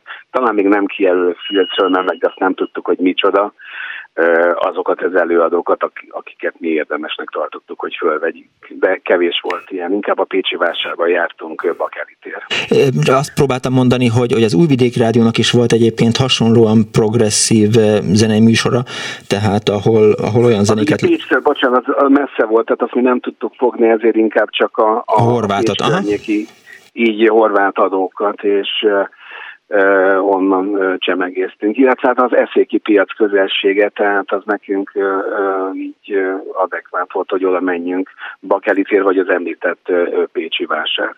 Emléksz, tudsz mondani egy olyan lemezt, amit a lemezbörze helyetből vettél föl? Ö, többet is, például arra nagyon emlékszem az Aphrodite Child, ugye a Demis Ruxos és a, és a Vangelis közös bandájában 666 dupla lemez, ami egy kurva jó lemez volt, és apám sírva röhögött, mert van egy ilyen orgazmus című, vagy orgazmust mutató számok, nem tudom annak a címét, vagy Amazon Lake Palmer, vagy hát mi volt még? Iron Butterfly, Inagada Davida. Tessék? Iron igen. Butterfly, az Inagada ja, Davida, az majdnem biztos, hogy ott volt, igen. És akkor határoztam el, ami végig is nem lettem, hogy zenei szerkesztő szerettem volna lenni, és amikor a, a Göce is lejött a Pécsi Ifjúsági Házba, akkor elmentünk, és, és meghallgattuk, hogy hát ő milyen iskolát végzett, mit kell ahhoz, hogy az ember zenei szerkesztő legyen, mert már akkor nem értettem egy ilyet. Tehát ez, a, amit a, a Bétot Laciék, meg, meg meg a hasonszörű zenei szerkesztők műveltek, az, az nem, nem nem a mi ízlés. És még ráadásul azt hiszem, hogy egyébként a, a Magyar Rádiónak ez a műsora, ez jogot sértett, mert hogy, hogy teljes albumokat akkor nem lehetett volna szabad Jó, mert hogy ráadásul leadni. Azt azon döbbentem meg, hogy ilyen 30 perces műsorok voltak, és akkor azért általában 30 perces lemez csak a Dead Kennedysnek volt, meg punkbandáknak, de nem, nem, nem progrok, akik akkor is már 50 perces lemezeket Igen. csináltak, és amikor megvettem utána vagy Bakeliten, vagy CD-nél rájöttem, hogy még van két-három jó szám többenet, Úgyhogy ezek érdekes időszakok voltak. Valaki említette Fialát, Fialának volt egy műsor a Petőfén, azt este 11-15-kor volt egy beszélgetős műsor, és emlékszem, hogy, hogy másodikos vagy harmadikos voltam gimivel, és mononukleózissal voltam, és az annyira fájt a torkom, hogy nem tudtam aludni, és volt egy Csetamás műsor, az nagyon tetszett. Illetve az mindig hallgattam, mert soha nem értettem, hogy hogy lehet négy sorban kérdezni amellett, hogy az egyeztetés, tehát alanyállítmány és bővítmények rendben van. Ja. Hogy ott kedvelte meg ezt. Jó van. Köszönöm szépen, hogy hívtál. Én is köszönöm. Viszontlátásra, szia! Annyit mindent elmondhatok, de én említenék, írja egy hallgató Veri Batilla a, a, a Facebookon, a mai közszolgálatiból igencsak hiányzó műsortípust, Hegyi Imre és Kovalik Márta tényfeltáró dokumentum műsorai, majd később Baranics Péter is csinált hasonlókat, ezek korszakos jelentőségűek voltak. Ja, és a Bartogot Proforma Pintér Dezső nevezte el a nagy 20. századi magyar zeneszerzőről, egy 1988 májusi rádiós napon, addig harmadik műsor volt, sőt emlékem szerint a 70-es évek elején még URH néven illették, de akkor még nagyon kicsi voltam, írta a hallgató. Halló, jó napot kívánok! Halló, jó napot kívánok, én Feltúti Sándor vagyok. Üdvözlöm! És én a 60-as évek közepéről szeretnék megemlékezni. Hát is érzékenyülök, mert abban az időben rengeteg színvonalas gyermek ifjúsági műsor volt, sok ismeretterjesztő műsor, ami ma már nem tudom, hogy, hogy jellemző, szerintem nem. Na most, ami a gyermekműsorokat illeti, ez is nagyon érdekes, hogy a legkiválóbb magyar színészek léptek fel. Tudom én, Márkus László, Váradi Hédi, Kibédi Ervin, a, uh-huh. A Róka Móka bábszínházában, akkor akkor a, akkor a vasárnap délelőtt nem csak a remek szórakozás kinyitó Csimbú cirkusz volt, hanem meseműsorok. És érdekes, hogy ezek között voltak nagyon nagyon izgalmasan, nagyon milyen átérhető, nyomasztó hangvételű, legalábbis így én emlékszem. És ott is a legjobb magyar színészek játszottak. Még máig emlékszem, azt hiszem Makár Jánosnak a hanghoz. Halló? Igen. Tessék. Uh, a népmesék örökbelét uh-huh. játszotta, és akkor ugye ez a mondani vizsgás, meg a rossz napon, gonosz volt, nagyon bosszúzott találtam. De a gyermek Várjon, most annyira szakadozik a vétel, mint hogyha a 60-as években lennénk, és megpróbálnánk URH-t sugározni. Most ön hall engem? Igen, hallom, persze. Jó, mert én nem hallom önt, de most, most éppen igen. Folytassa. Na, folytassa, vagy van kérdés? Nem, nem, nem, hallgatom. Na, igen, igen, igen. Tehát ugye ott hagytam, ott hagytam nagyon sok színvonalas mese gyermekműsor és, és ismeretterjesztő műsor is volt. Én ugye akkor kezdtem hogy egy kicsit úgy rá ismerni, rácsodálkozni világra. Uh-huh. Nem egyfajta tudatosság is kialakulni. És a Kossuth Rádiónak, legalábbis annak is köszönhetem, hogy hát végül is, végül is irodalmár pályára adtam a fejem, mert nagyon sok kiváló irodalmi műsor volt. Fél tizenkettőkor, ha jól emlékszem, délelőtt, akkor uh-huh. egyébként én két, két műszakba jártam általános iskolába, tehát minden második héten a hétköznapok délelőttjei szabadok voltak, és a világirodalom legjobb regényeit, irodalmi műveit adták elő, olvasták fel, mit tudom, mondjuk a 22-es csapdáját Darvas Iván, akkor Kálai Ferenc Robertnek a, a Bovarinéját, és még lehetne, lehetne sorolni mm. ezeket a kiváló hát felolvasásokat, és azt hiszem, hogy a műveltség alapozásában nekem ez óriási port adott, tudni, egy csomó dolgot nekem már nem kellett elolvasnom a középiskolában, nem kellett elolvasnom mondjuk a bölcsészkaron, ezek belém voltak. És hát innen van számomra az a, az, az, az el, vagy gondolat, hogy minél korábban, minél inkább gyermekkorban ismer meg az ember nagyon fontos műveszébe tényezőket, az annál inkább mélyen beleívódik. Igen, mélységesen egyetértek önnel. Halló? Mélységesen egyetértek önnel, ezt mondom. Ja igen, igen, csak egy picit szakadozik a, a vonal. És, és akkor még ugye egy másik, ha már itt tartunk, hogy délelőtt volt olyan, hogy a zenekari muzsika. És az is nagyon furcsa, hogy a, vagy érdekes, hogy a diktatúra éveiben az egész világ zenei életéről, klasszikus zenei mhm. életéről nagyon keresztmetszetet tudott adni. Tehát a New Yorki filharmonikusok, a filadelfiai filharmonikusok, a, a római Szent Cecília templom kórusa, ugye szerepelt ezekben a műsorokban, nyilván felvételről vagy lemezről. Igen. Tehát, tehát abban az időben, hogy mondjam, szóval tehát a tényleg, tényleg egy, egy ajtót tárt, kaput a világra. Igen, ránk fért. És a, igen, és azt, hogy nem lettünk műveletlen tuskók vagy várok. Igen, nem, nem lettünk túl tufák. Annak is köszönhető, hogy, hogy valamiért azért az úgynevezett diktatúrában volt egyfajta nyitottság a kultúrában. Nyilván ez egy ellenőrzött, ma is ellenőrzött, nem hatalmi szóval ellenőrzik. Körülbelül hát ennyit. Köszönöm ennyit szépen, uram, hogy hívott. Köszönöm. Igen. Viszont hallásra.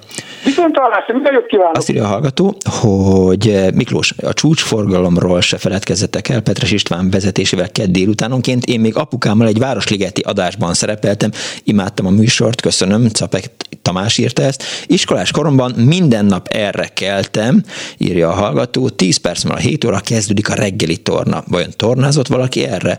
Üdv Dóra, hát majd valaki megírja, hogy igen vagy nem.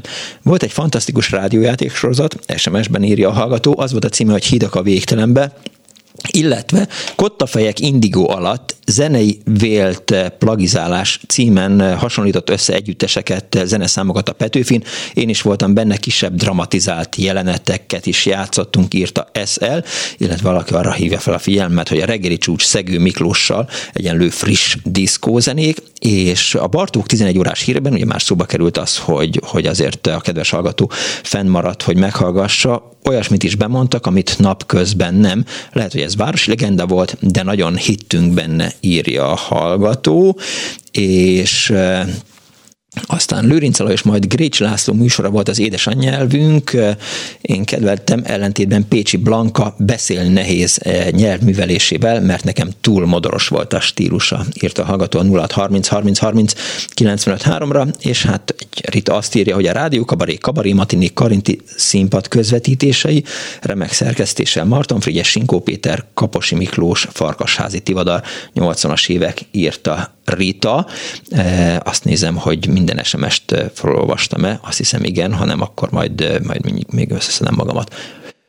24 06 95 3, illetve 24 07 95 3 a telefonszámunk. Hívjanak és meséljenek azokról a fantasztikus rádióműsorokról, amin fölnőttek, vagy ami a szívükhöz közel álló volt. Ugye már nagyon sokat beszéltünk a gondolatjáról, meg a 168 óráról, de hát nyilván azért eh, vannak még ilyenek, aztán eh, megnézem, hogy mit írtak még a hallgatók a, a Facebookon, és eh, az a kérdés, hogy, hogy van-e még valaki, aki hozzá szeretne szólni a, a műsorhoz, a telefonszámunkon, amit már elmondtam, mindenki tudja, úgyhogy nem mondom el még egyszer, 24 06 953, még elmondom még egyszer.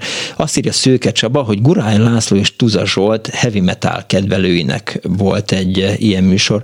Én rá nem emlékszem, e, aztán Horváth Katalin, Szilágy János Halló, itt vagyok, e, Kern András paródia is készült róla, és a hétremény zsüllet, megint írja Anna, Miki kell talán ideje lenni végre az estefemes műsort is összehozni, nem? Hát nem tudom.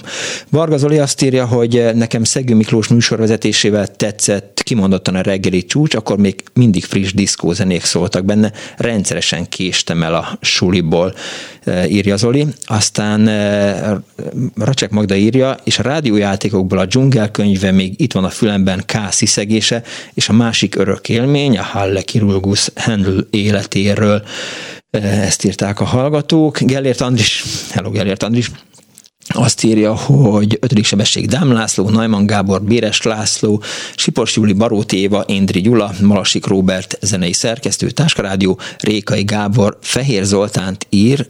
Szerintem, ha egyre gondolunk, az a Fehér Zoli volt, és Zoltán Görgényi és elkezdtem itt közben, ugye akkor, amikor készültem a műsorra, és Kardos mindenféle, mindenféle anyagot összeszedett nekem, nagyon érdekes cikket olvastam, például Bölcs Istvánnak egy, egy nagyon hosszú írását az ötödik sebességről, és ha lesz rá mód, vagy ha sikerül belépni az e-mail postafiókomba, akkor, akkor mindenféleképp felolvasok belőle, amíg megtaláljuk a hallgatókat az éterben.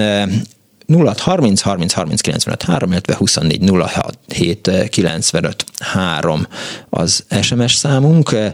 Dániel, hol van az, amit szeretted volna megörvendeztetni a hallgatókat?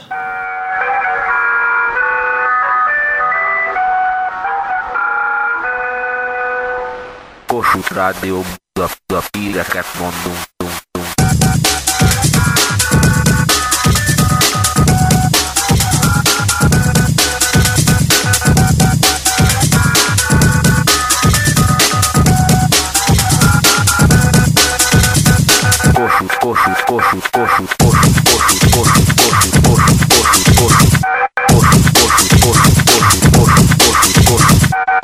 Kossuth Rádió, a híreket mondunk.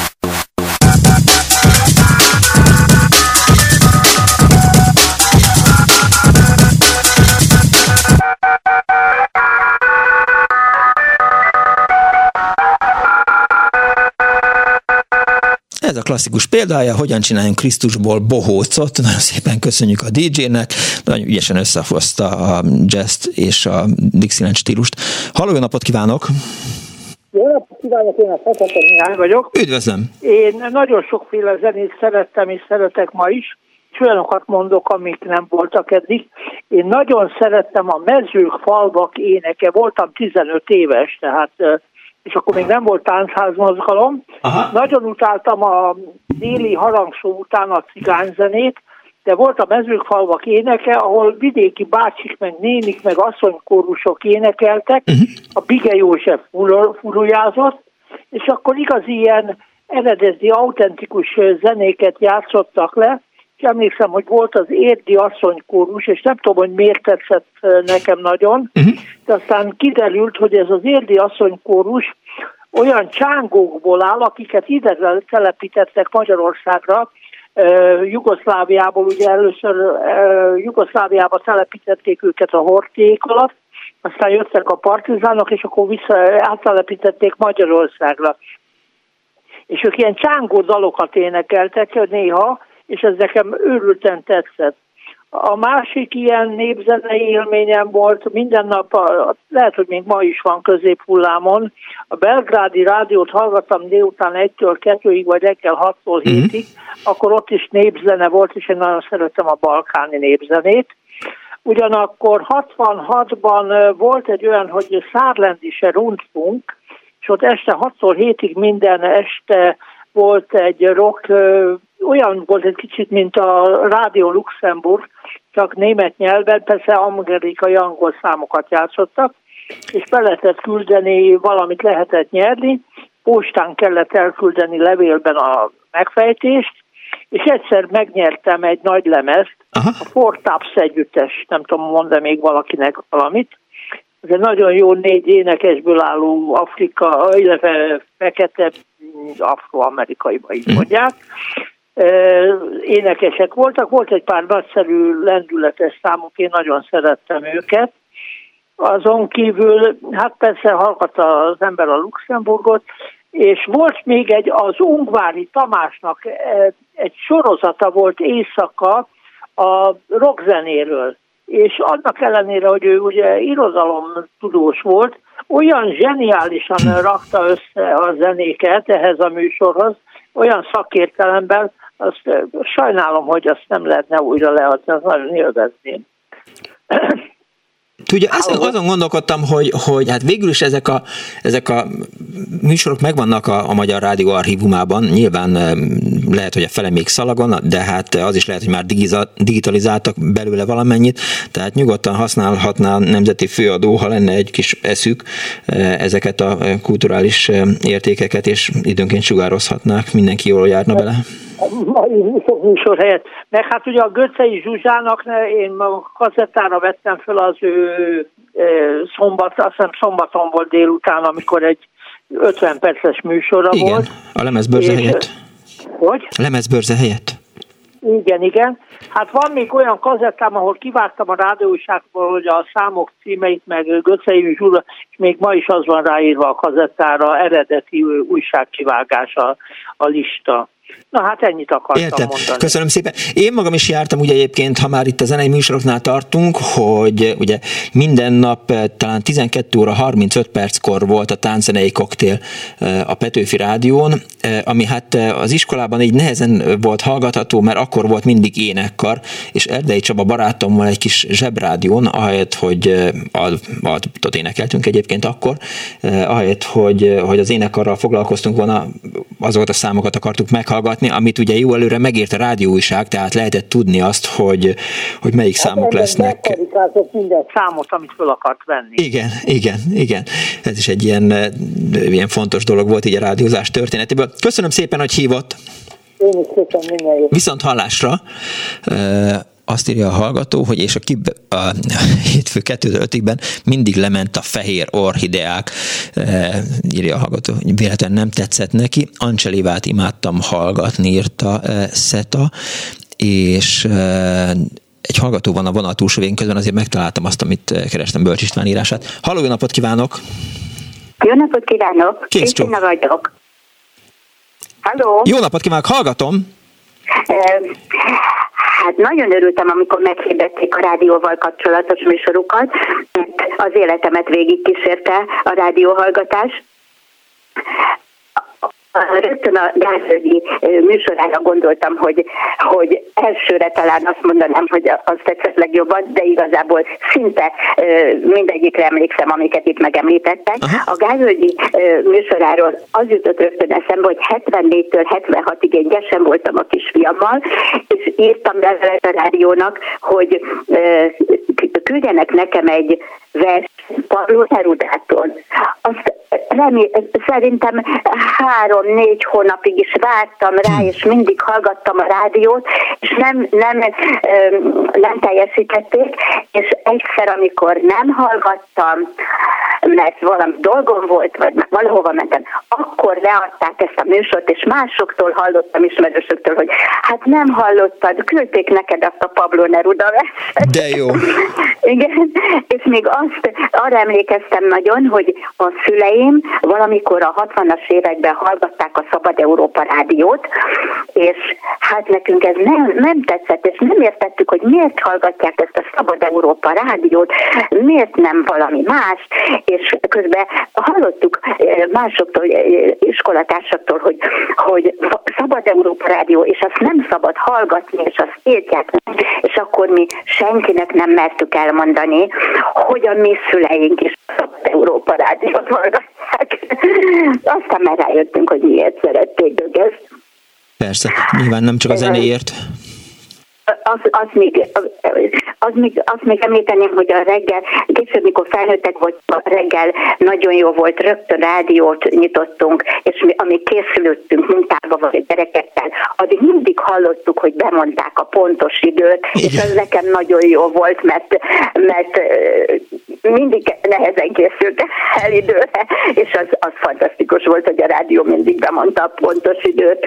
Aztán még azt, azt mondanám el, hogy, hogy általános iskolában én nagyon szerettem a magyart, mint tantárgyat, és aki az osztályfőnökön volt, és ő tanította a magyart, egyszer azt mondta nekem, hogy olyan szép a kiejtésem, hogy akár rádió bemondó is lehetnék. Hát ez nekem annyira tetszett, de azt hiszem egész életem során nem sok mindenkinek meséltem én ezt el, de hát aztán a középiskolánál tovább én nem jutottam sajnos, de de mindig nagyon örültem, ha, ha szép kiejtésű embereket hallottam, amit most Szénási Sándortól hallok, fantasztikus, és élvezem a beszédét, amilyen gyönyörű kiejtéssel Igen. beszél. De mm, amikor a klubrádiót megtaláltam, sokáig hallgattam a Kossuth Rádiót, klubrádiót megtaláltam, akkor akkor nagyon-nagyon megörültem, hogy ezeket a régi Kossuth Rádióban hallott emberek hangját felismertem, és szembesültem vele. Úgyhogy most is ha, itthon vagyok, ha a, a, a tévé előtt sokkal-sokkal e, nagyobb előnyben van nálam a rádióhallgatás. Persze, én nem is tudom elképzelni egyébként, hogy én nem, nem értem, minap gondolkodtam rajta, pont erre a műsorra készülve, hogy, hogy én biztos, hogy nem kapcsolnám be otthon a, a tévéműsort, hogy, hogy, hogy reggel műsort nézek. Biztos volt olyan időszak, tehát akkor, amikor még napkelte volt, tudom én, 20-30 évvel ezelőtt, és az ember ki volt hegyezve a, a politikára, meg a közéletre, akkor, akkor elképzelhető volt, de, de ma biztos, hogy nincs olyan tévé, amit, amit én bekapcsolnék, és elcserélnék a rádióra. Igen. Igen, igen, én sem, mert, mert sokkal-sokkal színvonalasabbnak érzem ma a rádióműsort, a klub rádióműsort. Megtisztelő. Úgyhogy nagyon köszönöm önöknek, de így nyugdíjasként nagyon élvezem a rádióhallgatást. Örülünk neki, köszönjük szépen, további jó... A szüleim is nagyon szerették. További jó hallgatást kívánunk, viszont hallásra! Köszönöm szépen, viszont hallásra. Néhány hallgató SMS, az én kedvencem Narancsikágot a vasárnap délután a 30 perc alatt a föld körül kis színesekből álló külföldi tudósítóink jelentéseiből szerkesztett műsor volt, írta Magdaléna. Egy másik hallgató azt írja, hogy 1982-ben felvett kazent kazettáim ugyanúgy szólnak, mint akkor. Igaz, Chrome kazetták nem dobtam ki, bár a CD-k megjelenésekor azt mondták, hogy annak annyi és azt írja a hallgató, szép napot, nekem az esti mesék tetszettek annak idejében, jó estét gyerekek, remélem ágyban vagytok már, igen, ez, ez a legjobb volt. Ma este, mit tudom én, ki fog nek, mesét mondani nektek, és akkor jött, és akkor valaki mondta a mesét, szerintem az ilyen, most 3 4 hétkor volt, vagy 8 óra előtt volt néhány perccel az esti mes a Kossuth Rádión természetesen. E, aztán vasárnaponként a jó ebédhez szól a nóta után mindig olvasom, mindig valamilyen rádiójáték volt 13 órától, mindig ekkor ebédeltünk, aztán a Magnósok figyelem című műsor is klassz volt, réges-rég a napközben című műsor is nagyon jó volt, szép napot írja a hallgató, és aztán azt is írják, hogy örülök, hogy hogy várjon, örülök, örülök, örülök, hogy nagyon sok legendás nagyágyú neve elhangzik a műsorban, hadd járuljak én is hozzá a névsorhoz. Tarnói Gézzel a Furra Evelyn Acélendre írta e, Sikító Fűrész. Egyszer az önök kértékben annyian kértek egy számot, amit amúgy, amúgy is minden nap lejátszottak akkoriban, hogy Gálvölgyi csak a nevek felét olvasta fel, a többieknek megígérte, hogy jövő héten nekik is lejátszák, úgy is lett. Aztán azt írja a hallgató, hogy Novotni Zoltán műsora volt, amit hetente egyszer mindig valamelyik budapesti kerülethez volt valami emléke, stb. Például a Rehi kocsmában ismerkedett, csak ugye miközben friss az SMS fal, ismerkedett, na, Na majd mindjárt rájövök, hogy hol van a, ennek az SMS-nek a vége. Ismerkedett meg a mostani férjével, ilyen épület volt a 60-as, 70-es években, mint egy hm, nosztalgia, ezt most nagyon nehezen tudtam elolvasni ezt az sms sok telefonáló volt, sok emlékel írja a hallgató. Aztán nagyszerű műsorkészítők és szerkesztők voltak Rékai Gábor, Dám László, eh, Szamara Eleni, Fodor Gábor, Kőszeg Gábor, Najman Gábor, Ördög Csilla, Szajlé József és Gózon Ákos. Írták a hallgatók a 06 30 30 30 95 3-as számra, és ha önök azt gondolják, hogy van olyan műsor, akár a Kossuthon, akár a Petőfin, akár a harmadik műsoron, harmadik műsornál, vagy az URH-nál, a Bartóknál, akkor mindenféleképp hívjanak és meséljék el, és említsék meg már máskülönben soha az életben nem fog már előkerülni, és úgy elfelejtődik az a műsor, hogy csak na, mi az Annó Budapest meg megpróbáljuk ezt megőrizni. Na, és közben ugye több cikket is ajánlani akartam az önök figyelmébe. 1990-ben jelent meg az a cikk, hogy 11 hét a bizonyításra megszűnik az ötödik sebesség, és arról ír az újságíró, a, nem tudom, hogy ki volt az, hogy tegnap délután utoljára kapcsolt ötödik sebességbe a Petőfi Rádió a sokak által kedvelt késő délutáni zenés riport műsor megszűnt. Mindazonáltal hallhatjuk továbbra is az ifjúsági fő főosztály riportereit ezen a hullámhosszon.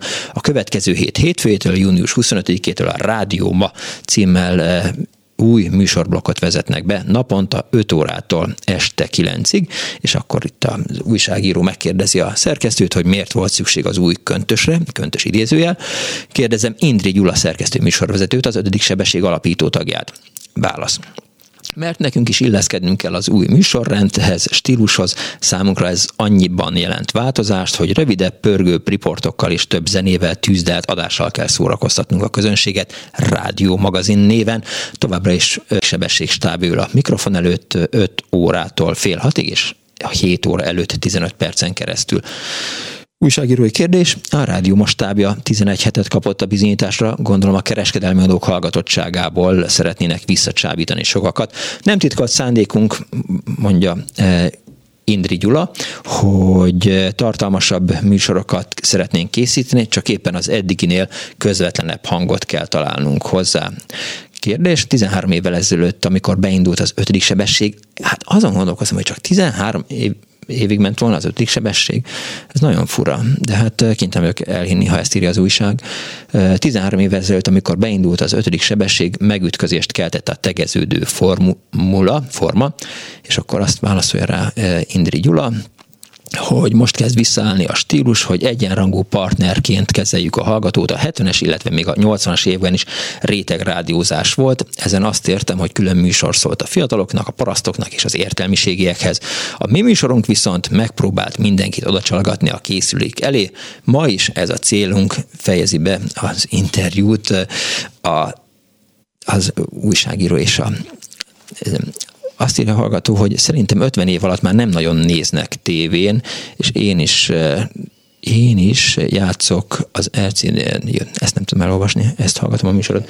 Na, aztán néhány dolog a, a Facebookról, végre zene is van a műsorodban, majd mindjárt lesz, mindjárt megkérjük Dánielt, mert olyan rég mutatta már meg, hogy mennyire jó zene ízlése van, hogy most megvillanthatja. Jó, nyugodtan előhalászhatod a, a a Levegő című számot, tudod, József Attila játsza, van egy ilyen zenekar.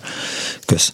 Azt írja Markó Beáta, a színházi közvetítéseket említette valaki, anyukámmal sokat hallgattuk, én legjobban azt szerettem, ahogy közvetítették a színpadon látható, de nem hallható történéseket. Egy női hang alá suttogta, ha például János tölt magának a borból, vagy Éva jobbra kimegy a szobából. Ezek a részek voltak a kedvenceim e, gyerekkoromban. E, annó 19.54 volt az esti mese ideje. Jó esti gyerekek, remélem ágyban vagytok már, írták a hallgatók a Facebook oldalunkon.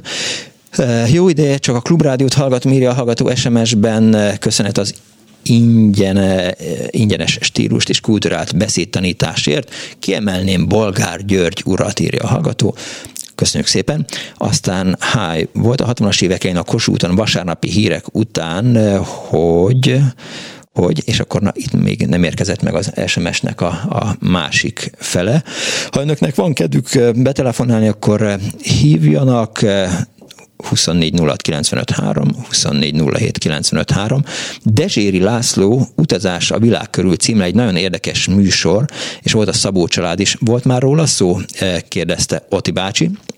Hát éppen csak megemlítettük anyámmal, amikor konzultáltam a, a műsorról, akkor akkor mondta, hogy azt mindenféleképp mondjam el, hogy, hogy ők állandóan hallgatták, és valóban, és én nem is értettem egyébként, tehát én nem voltam egy Szabó család rajongó, de ez ilyen túl felnőttes dolog volt.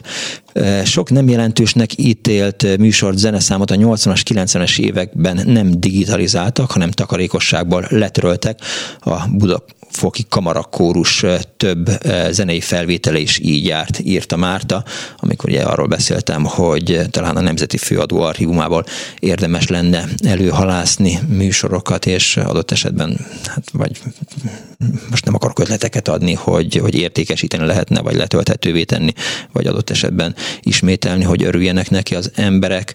Aztán 1980-ban az ifjúsági magazin arról számol be, köszönöm szépen Kardos Józsi, hogy mi is kapcsoltuk az ötödik sebességet. Ki mire gondol, ha azt mondom ötödik sebesség? Egy ifjúsági műsor rádióban, hétfőn, szerdán és pénteken a Petőfi adón nagyon jónak tartom, mert rólunk fiatalokról szól. Aztán mi jut eszébe? Cserebere. Igen, tehát például az is egy nagyon fontos eh, eleme volt az ötödik sebességnek, hogy, hogy föl lehetett ajánlani dolgokat, és el lehetett cserélni. És nem csak cserebere volt, hanem volt telekocsi. Ha jól emlékszem, kicsit, mintha megelőzte volna a korát, és remélem, hogy, hogy nem csal meg az emlékezetem, hogy, hogy be lehetett szállni valakinek az autójába, hogyha valaki valahová menni akart, és az ifjúság mozim egyébként azt írja ebben az írásban, hogy a felolvassam, vagy, vagy, vagy zene jöjjön. Daniel, mit találtál? Hallgatót vagy zenét?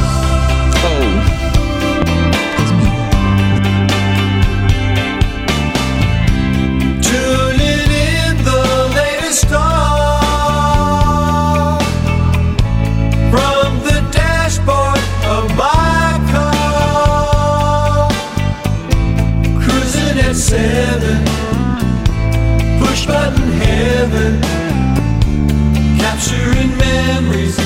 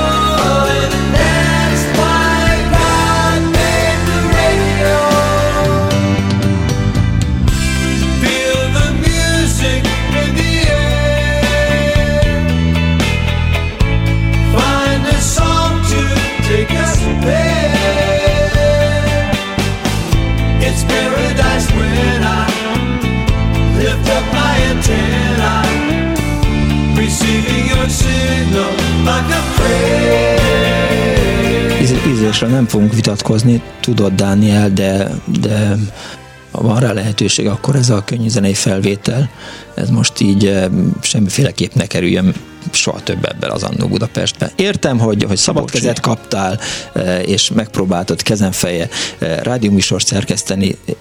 Ez, ne haragudj, ez nem, nekem nem tetszett. De... Z- zavarba jöttem, szóval tudod, ilyen frusztráló az, amikor azt mondod ki az üvegfal túloldalára, hogy most akkor találj valami jó zenét, és akkor én, tudod, a, és nem a, sikerült? És, és előttem van három. Szóval Melyik három? Kegyelem kettes, Igen? Egy, egy jó kézigránát kell Korda György, Igen. vagy itt volt a Beach Boys That's Why God Made the Radio című dala, és arra gondoltam, hogy akkor ez talán egy picit vág a formátumba. Nem így történt. Hát nem így történt, na mindegy. Bocsi, hallgatók.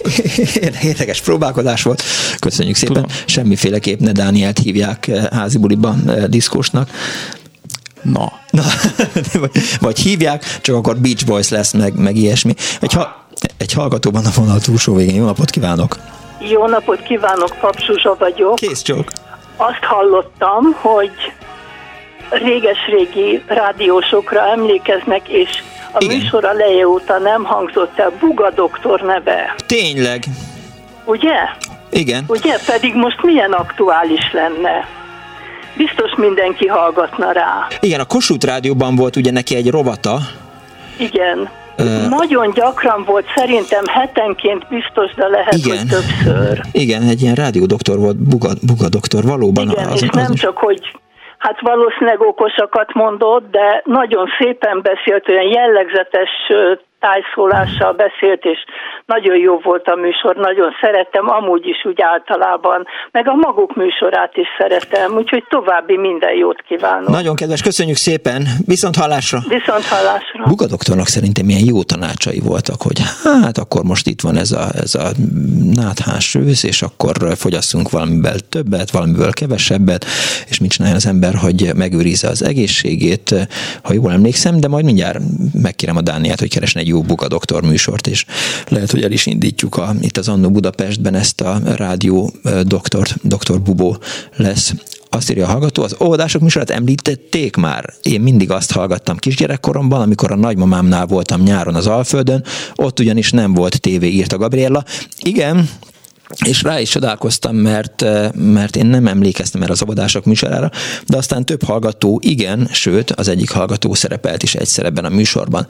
Aztán eh, a 60-as évben a reggeli krónikában mindig volt egy mit főzünk robot, egy nagyon kellemetlen hangú néni mondta el, hogy eh, mit javasol, és valami ritkább nyersanyagot emlegetett, akkor azt a déltájban már nem lehetett kapni, ha jól gondolom, egyik boltban sem, mert hogy hiánygazdálkodás volt, és nyilván akik hallották a Kossuth Rádióban mit főzünk, akkor gyorsan el is rohantak ezt megvenni. Azt írja még a hallgató, hogy volt olyan műsor is, hogy Mesterségek címere, és Váljék Robert csinálta, az azért emlékezetes számomra, írja a hallgató, mert 1969-ben nyertem, és felvételi nélkül mehettem a szakközépiskolába, írta Oti bácsi. Halló, jó napot kívánok!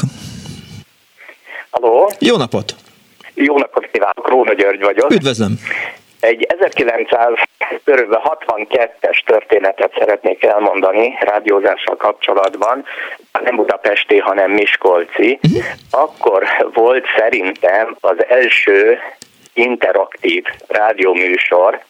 A Miskolci Rádiónak akkor egy órás adása volt este 6-tól 7-ig, és volt egy csodálatos szerkesztő, zenei szerkesztő Varsányi Zsuzsanna, aki kitalálta azt, hogy legyen interaktív a műsor, ami úgy történt, hogy az ottani újságban, az Észak-Magyarország címűben megjelent egy rejtvény.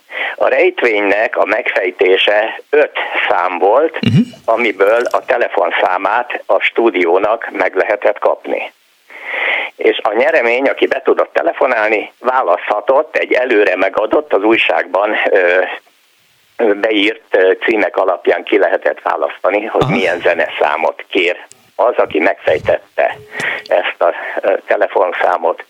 Én úgy kerültem oda 12 évesen, hogy nagyon jó barátságban voltam az ottani csodálatos technikussal, Debreceni Ferenccel, Isten áldja emlékét, és engem akkor oda bevittek, hogyha valaki vagy nem lenne megfejtő, hát legyen ott a stúdióban valaki, aki különböző hangokon majd betelefon. Nem került rá sor, mert annyira sikeres volt a műsor, hogy aztán több alkalommal is meg kellett ismételni, és sosem, sosem kellett kamutelefont, annyira uh-huh. nagy volt az érdeklődés. Emlékszem, hogy ugye akkor még szallagról ment az adás, STM magnok voltak, minden egyes szám, ugye egy kis szalag volt, ötösével fölkészítve, és amikor a nyertes bemondta, hogy mit kért, technikus csak lekapta az ötös csoportból a megfelelő szalagot, föltette, és már indulhatott is. De jó. Én akkor, hát ugye 12 évesen igen kacérkodtam, hogy milyen jó lenne elmenni aztán a rádióba technikusnak, uh-huh. ezért elmentem középiskolára a rádióműszerésznek, de nem lettem rádiós, színházas lettem. Úgyhogy talán nekem ez olyan élmény volt, amit hát ugye 60 évvel később is örömmel emlékszem vissza. Hallom, igen, hogy egy kicsit, hogy is mondjam, elbicsaklott a hangja. Igen, ez így van. Köszönöm szépen, hogy hívott. Én is köszönöm szépen, további kellemes napot. Viszont hallásra. Azt írja még Gellért is a Facebookon, hogy a sóhajok hídja a rádióban, és Sóskuti Márta, ötödik sebesség. Igen, az a cikk, amit bekészítettem ide magamnak, hogy esetleg majd visszatérek rá, azban említik is, meg persze Fejér Zoltánt és Rékai Gábort is. Azt mondja egyébként itt ebben az interjúban Sóskuti Márta, hogy a műsor alcíme ifjúságpolitika kultúra, műsora körülírta a tartalmát és a jellegét, az ifjúsági magazin írt erről. Mit szeretnél, Dániel, itt csinálni? Az előző hallgatóhoz szeretnék annyit hozzátenni, hogy soha ne bánja meg, hogy nem lett technikus. Szóval, Miért? hát képzelj el, hogyha ilyen emberekkel kellene dolgozni, mint a Punks Not Dead. Egészen elképesztő. De van, um, tudod, trip, van- tehát igen. nem tudom én, én nem, nem, le, lehet, hogy jó. jó Igen, de más vannak, vannak, olyanok, vannak olyan emberek, akik úgy gondolják, hogy, hogy nekik igenis kell az, hogy, hogy piedesztára emeljék őket, így dicsérjék, hogy gyakorlatilag kiderüljön minden adásban, hogy ő az Isten már, mint te, Ezt- Dániel. ezt- ezt- Nem már, mint te, Dániel. És aztán időnként, amikor kiderül, hogy, hogy mit borítottál ránk zenében, akkor lehet, hogy nem értünk egyet, de ebből semmi baj nincsen. Dániel, úgyis jönnek a kedves nem és, és, tudok meg, és, és, meg, és, meg, és meg, meg, megvédenek, hogy a nagyképű majom Dead. Facebookon írta valaki, hogy nagyon jó volt a zene. Jó. És erre mondod azt, hogy hazudik, úgyhogy ki is megyek. Nem, nem, nem, de hogy a haverjédet megkérted, hogy írjon, mert teljes, teljesen normális. Az a jó, érdekes, ebben az ifjúsági magazin cikkben eh, Barát József is eh, felmerül, illetve előkerül. Csak most egy hallgatóval fogok inkább beszélgetni. Halló, jó napot kívánok! Halló, sziasztok, Tamás vagyok. Hello, Tamás! Szegény Darit ne vágd már agyon, mert mi lesz belőle akkor? Dehogy, tudod jó, hogy... Darikám, teher alatt nő a pálma, teher alatt nő a Igen, pálma. igen, igen, igen. Na figyeljetek, nem hallottam az elejétől a műsor, és nem tudom, hogy elhangzott-e például a Haló itt vagyok, Szilágy János műsora. Hát érintőlegesen, SMS-ben. Érintőlegesen azt írja, kis orosz mikroelemes szokol, nem szokol, vagy más nem volt, ilyen kis kockalakú rádió hallgattam, párna alá volt rejtve, mert nem nagyon szerették, hogy éjszaka rádiót hallgatok, meg a- ott hallott tényleg az először ember olyat, ami, ami úgy mostanában a kormány nagyon csípi a csőrét, amit később a, azt hiszem a Gálvölgy Györgyek kirázott egy paródiába, amit csinált volna. De minden, ez egy jó műsor volt, meg nagyon szerettem, hogy a Götte és Zsának műsorait, a Ambruskinek a lemezbőrzejét, nem tudom, ő csinálta, ugye? Nem, a Göce is csinálta. Götte, de a, a, Kiri azt szerintem a tánzenei koktélt, meg, meg más Petőfi Rádiós zenei műsorokat szerkesztett, eh, ha jól emlékszem. De lehet, hogy nem. Na mindegy, meg amit meg akarom mondani, a, pa- a Padisság Mihának volt a műsor, a Mit üzen, az, á- Mit üzen a rádió. Igen. Arra ennek ez egy nagyon szörnyű De izéje várjál, Padisák volt. Mihály nem a Miska bácsi leveles ládája volt? Ja, lehet, de bocsánat, igen, igen, akkor azt nem tudom. A Mit üzen, az, az ki volt akkor? Hát, a mit üzen a rádió, azt szerintem... Grünwald Mihály talán, nem? Nem tudom. Mi, hú, majd mindjárt valaki beírja SMS-ben, mert, mert nem fogom tudni. A, nem mindegy, ennyi lett volna, hogy dióhéjba gyorsan. Jó, köszönöm szépen. Mi- Kell ebből még egy műsor, kell ebből még egy műsor, kell, kell, kell, jó? Jó van, oké, szevasz. Jó van, sziasztok. Kedves Miklós, a Beach Boys igenis remek zene volt, hajrá Dani, írja a hallgató. Oké, rendben van. Fiala Szent Lajos hídja olyan műsor volt, hogy este tíz után eh, valamelyik, eh, igen, valamelyik eh, egyedül sétáló embereket szólított meg és beszélgetett velük. Hihetetlen, hogy milyen jó mély interjúk voltak, ismeretlen emberekkel írja a hallgató. Aztán Hahó Nyugat-Ausztráliából, sziasztok, annó volt naponta 12-20-kor a Hungária kávéházban, nem a Hungária kávéházból volt, az Asztória szálló haljából volt a Cigány György műsora. Nagyon jó színvonalas műsor volt. Aztán Kedves Dani, a színházi hangtechnikusi munka sem piskóta, és még azt is írja a hallgató eh, Pacsi hogy, eh, hogy, hogy, hogy nagyon színvonalas műsor volt már, mint a, a kinyerma, és hogy mi a zene, vagy ki az előadó. Emlékszem rá, és például azt mindig, amikor édesapámmal mentem, ugye ő teherautó eh, sofőr volt, és ültem mellette, akkor ő mindig tudta, hogy, hogy, hogy melyik zeneszámnak, komoly zenéről beszélünk, hogy, hogy ki szerezte meg, meg minden nagyon bírtam. Nagyon jó a zene a műsorban, eh, Daninak is jó az ízlése. Igen, köszönöm szépen. Halló, itt vagy paródia Kern volt, és az Asztória szálló eh, az Ausztrálnak igaza van, írja a hallgató. Először a Hungária kávéház volt, és utána lett az Asztória. Köszönöm szépen. Akkor már ki is derült minden eh, a Kinyerma játék és muzsika 10 percben című műsorról. Nagyon szépen köszönöm a kedves hallgatók megtisztelő figyelmét, szép lassan nekem is elkopik a hangom. Ez volt az Annó Budapest, amely a rádiózás hőskorába látogatott vissza. A műsor szerkesztője Árva Brigitta volt, létrehozásában eh, segítségemre volt eh, Balogh Kármen és eh, Kemény Dániel, a jó ízlésű, jó zeneízlésű DJ Kemény Dani, és köszönöm szépen Kardos Józsinak a segítséget, illetve hát Pálinkás Huannak, és Isten nyugosztalj Bence Józsefet. Véhallás!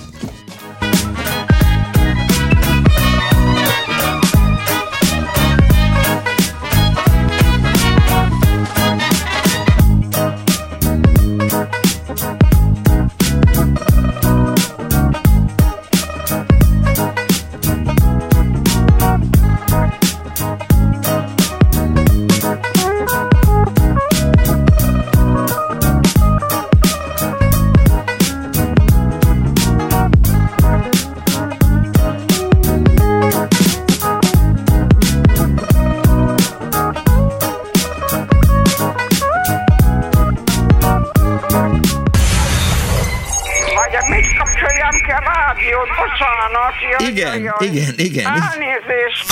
Jó napot kívánok!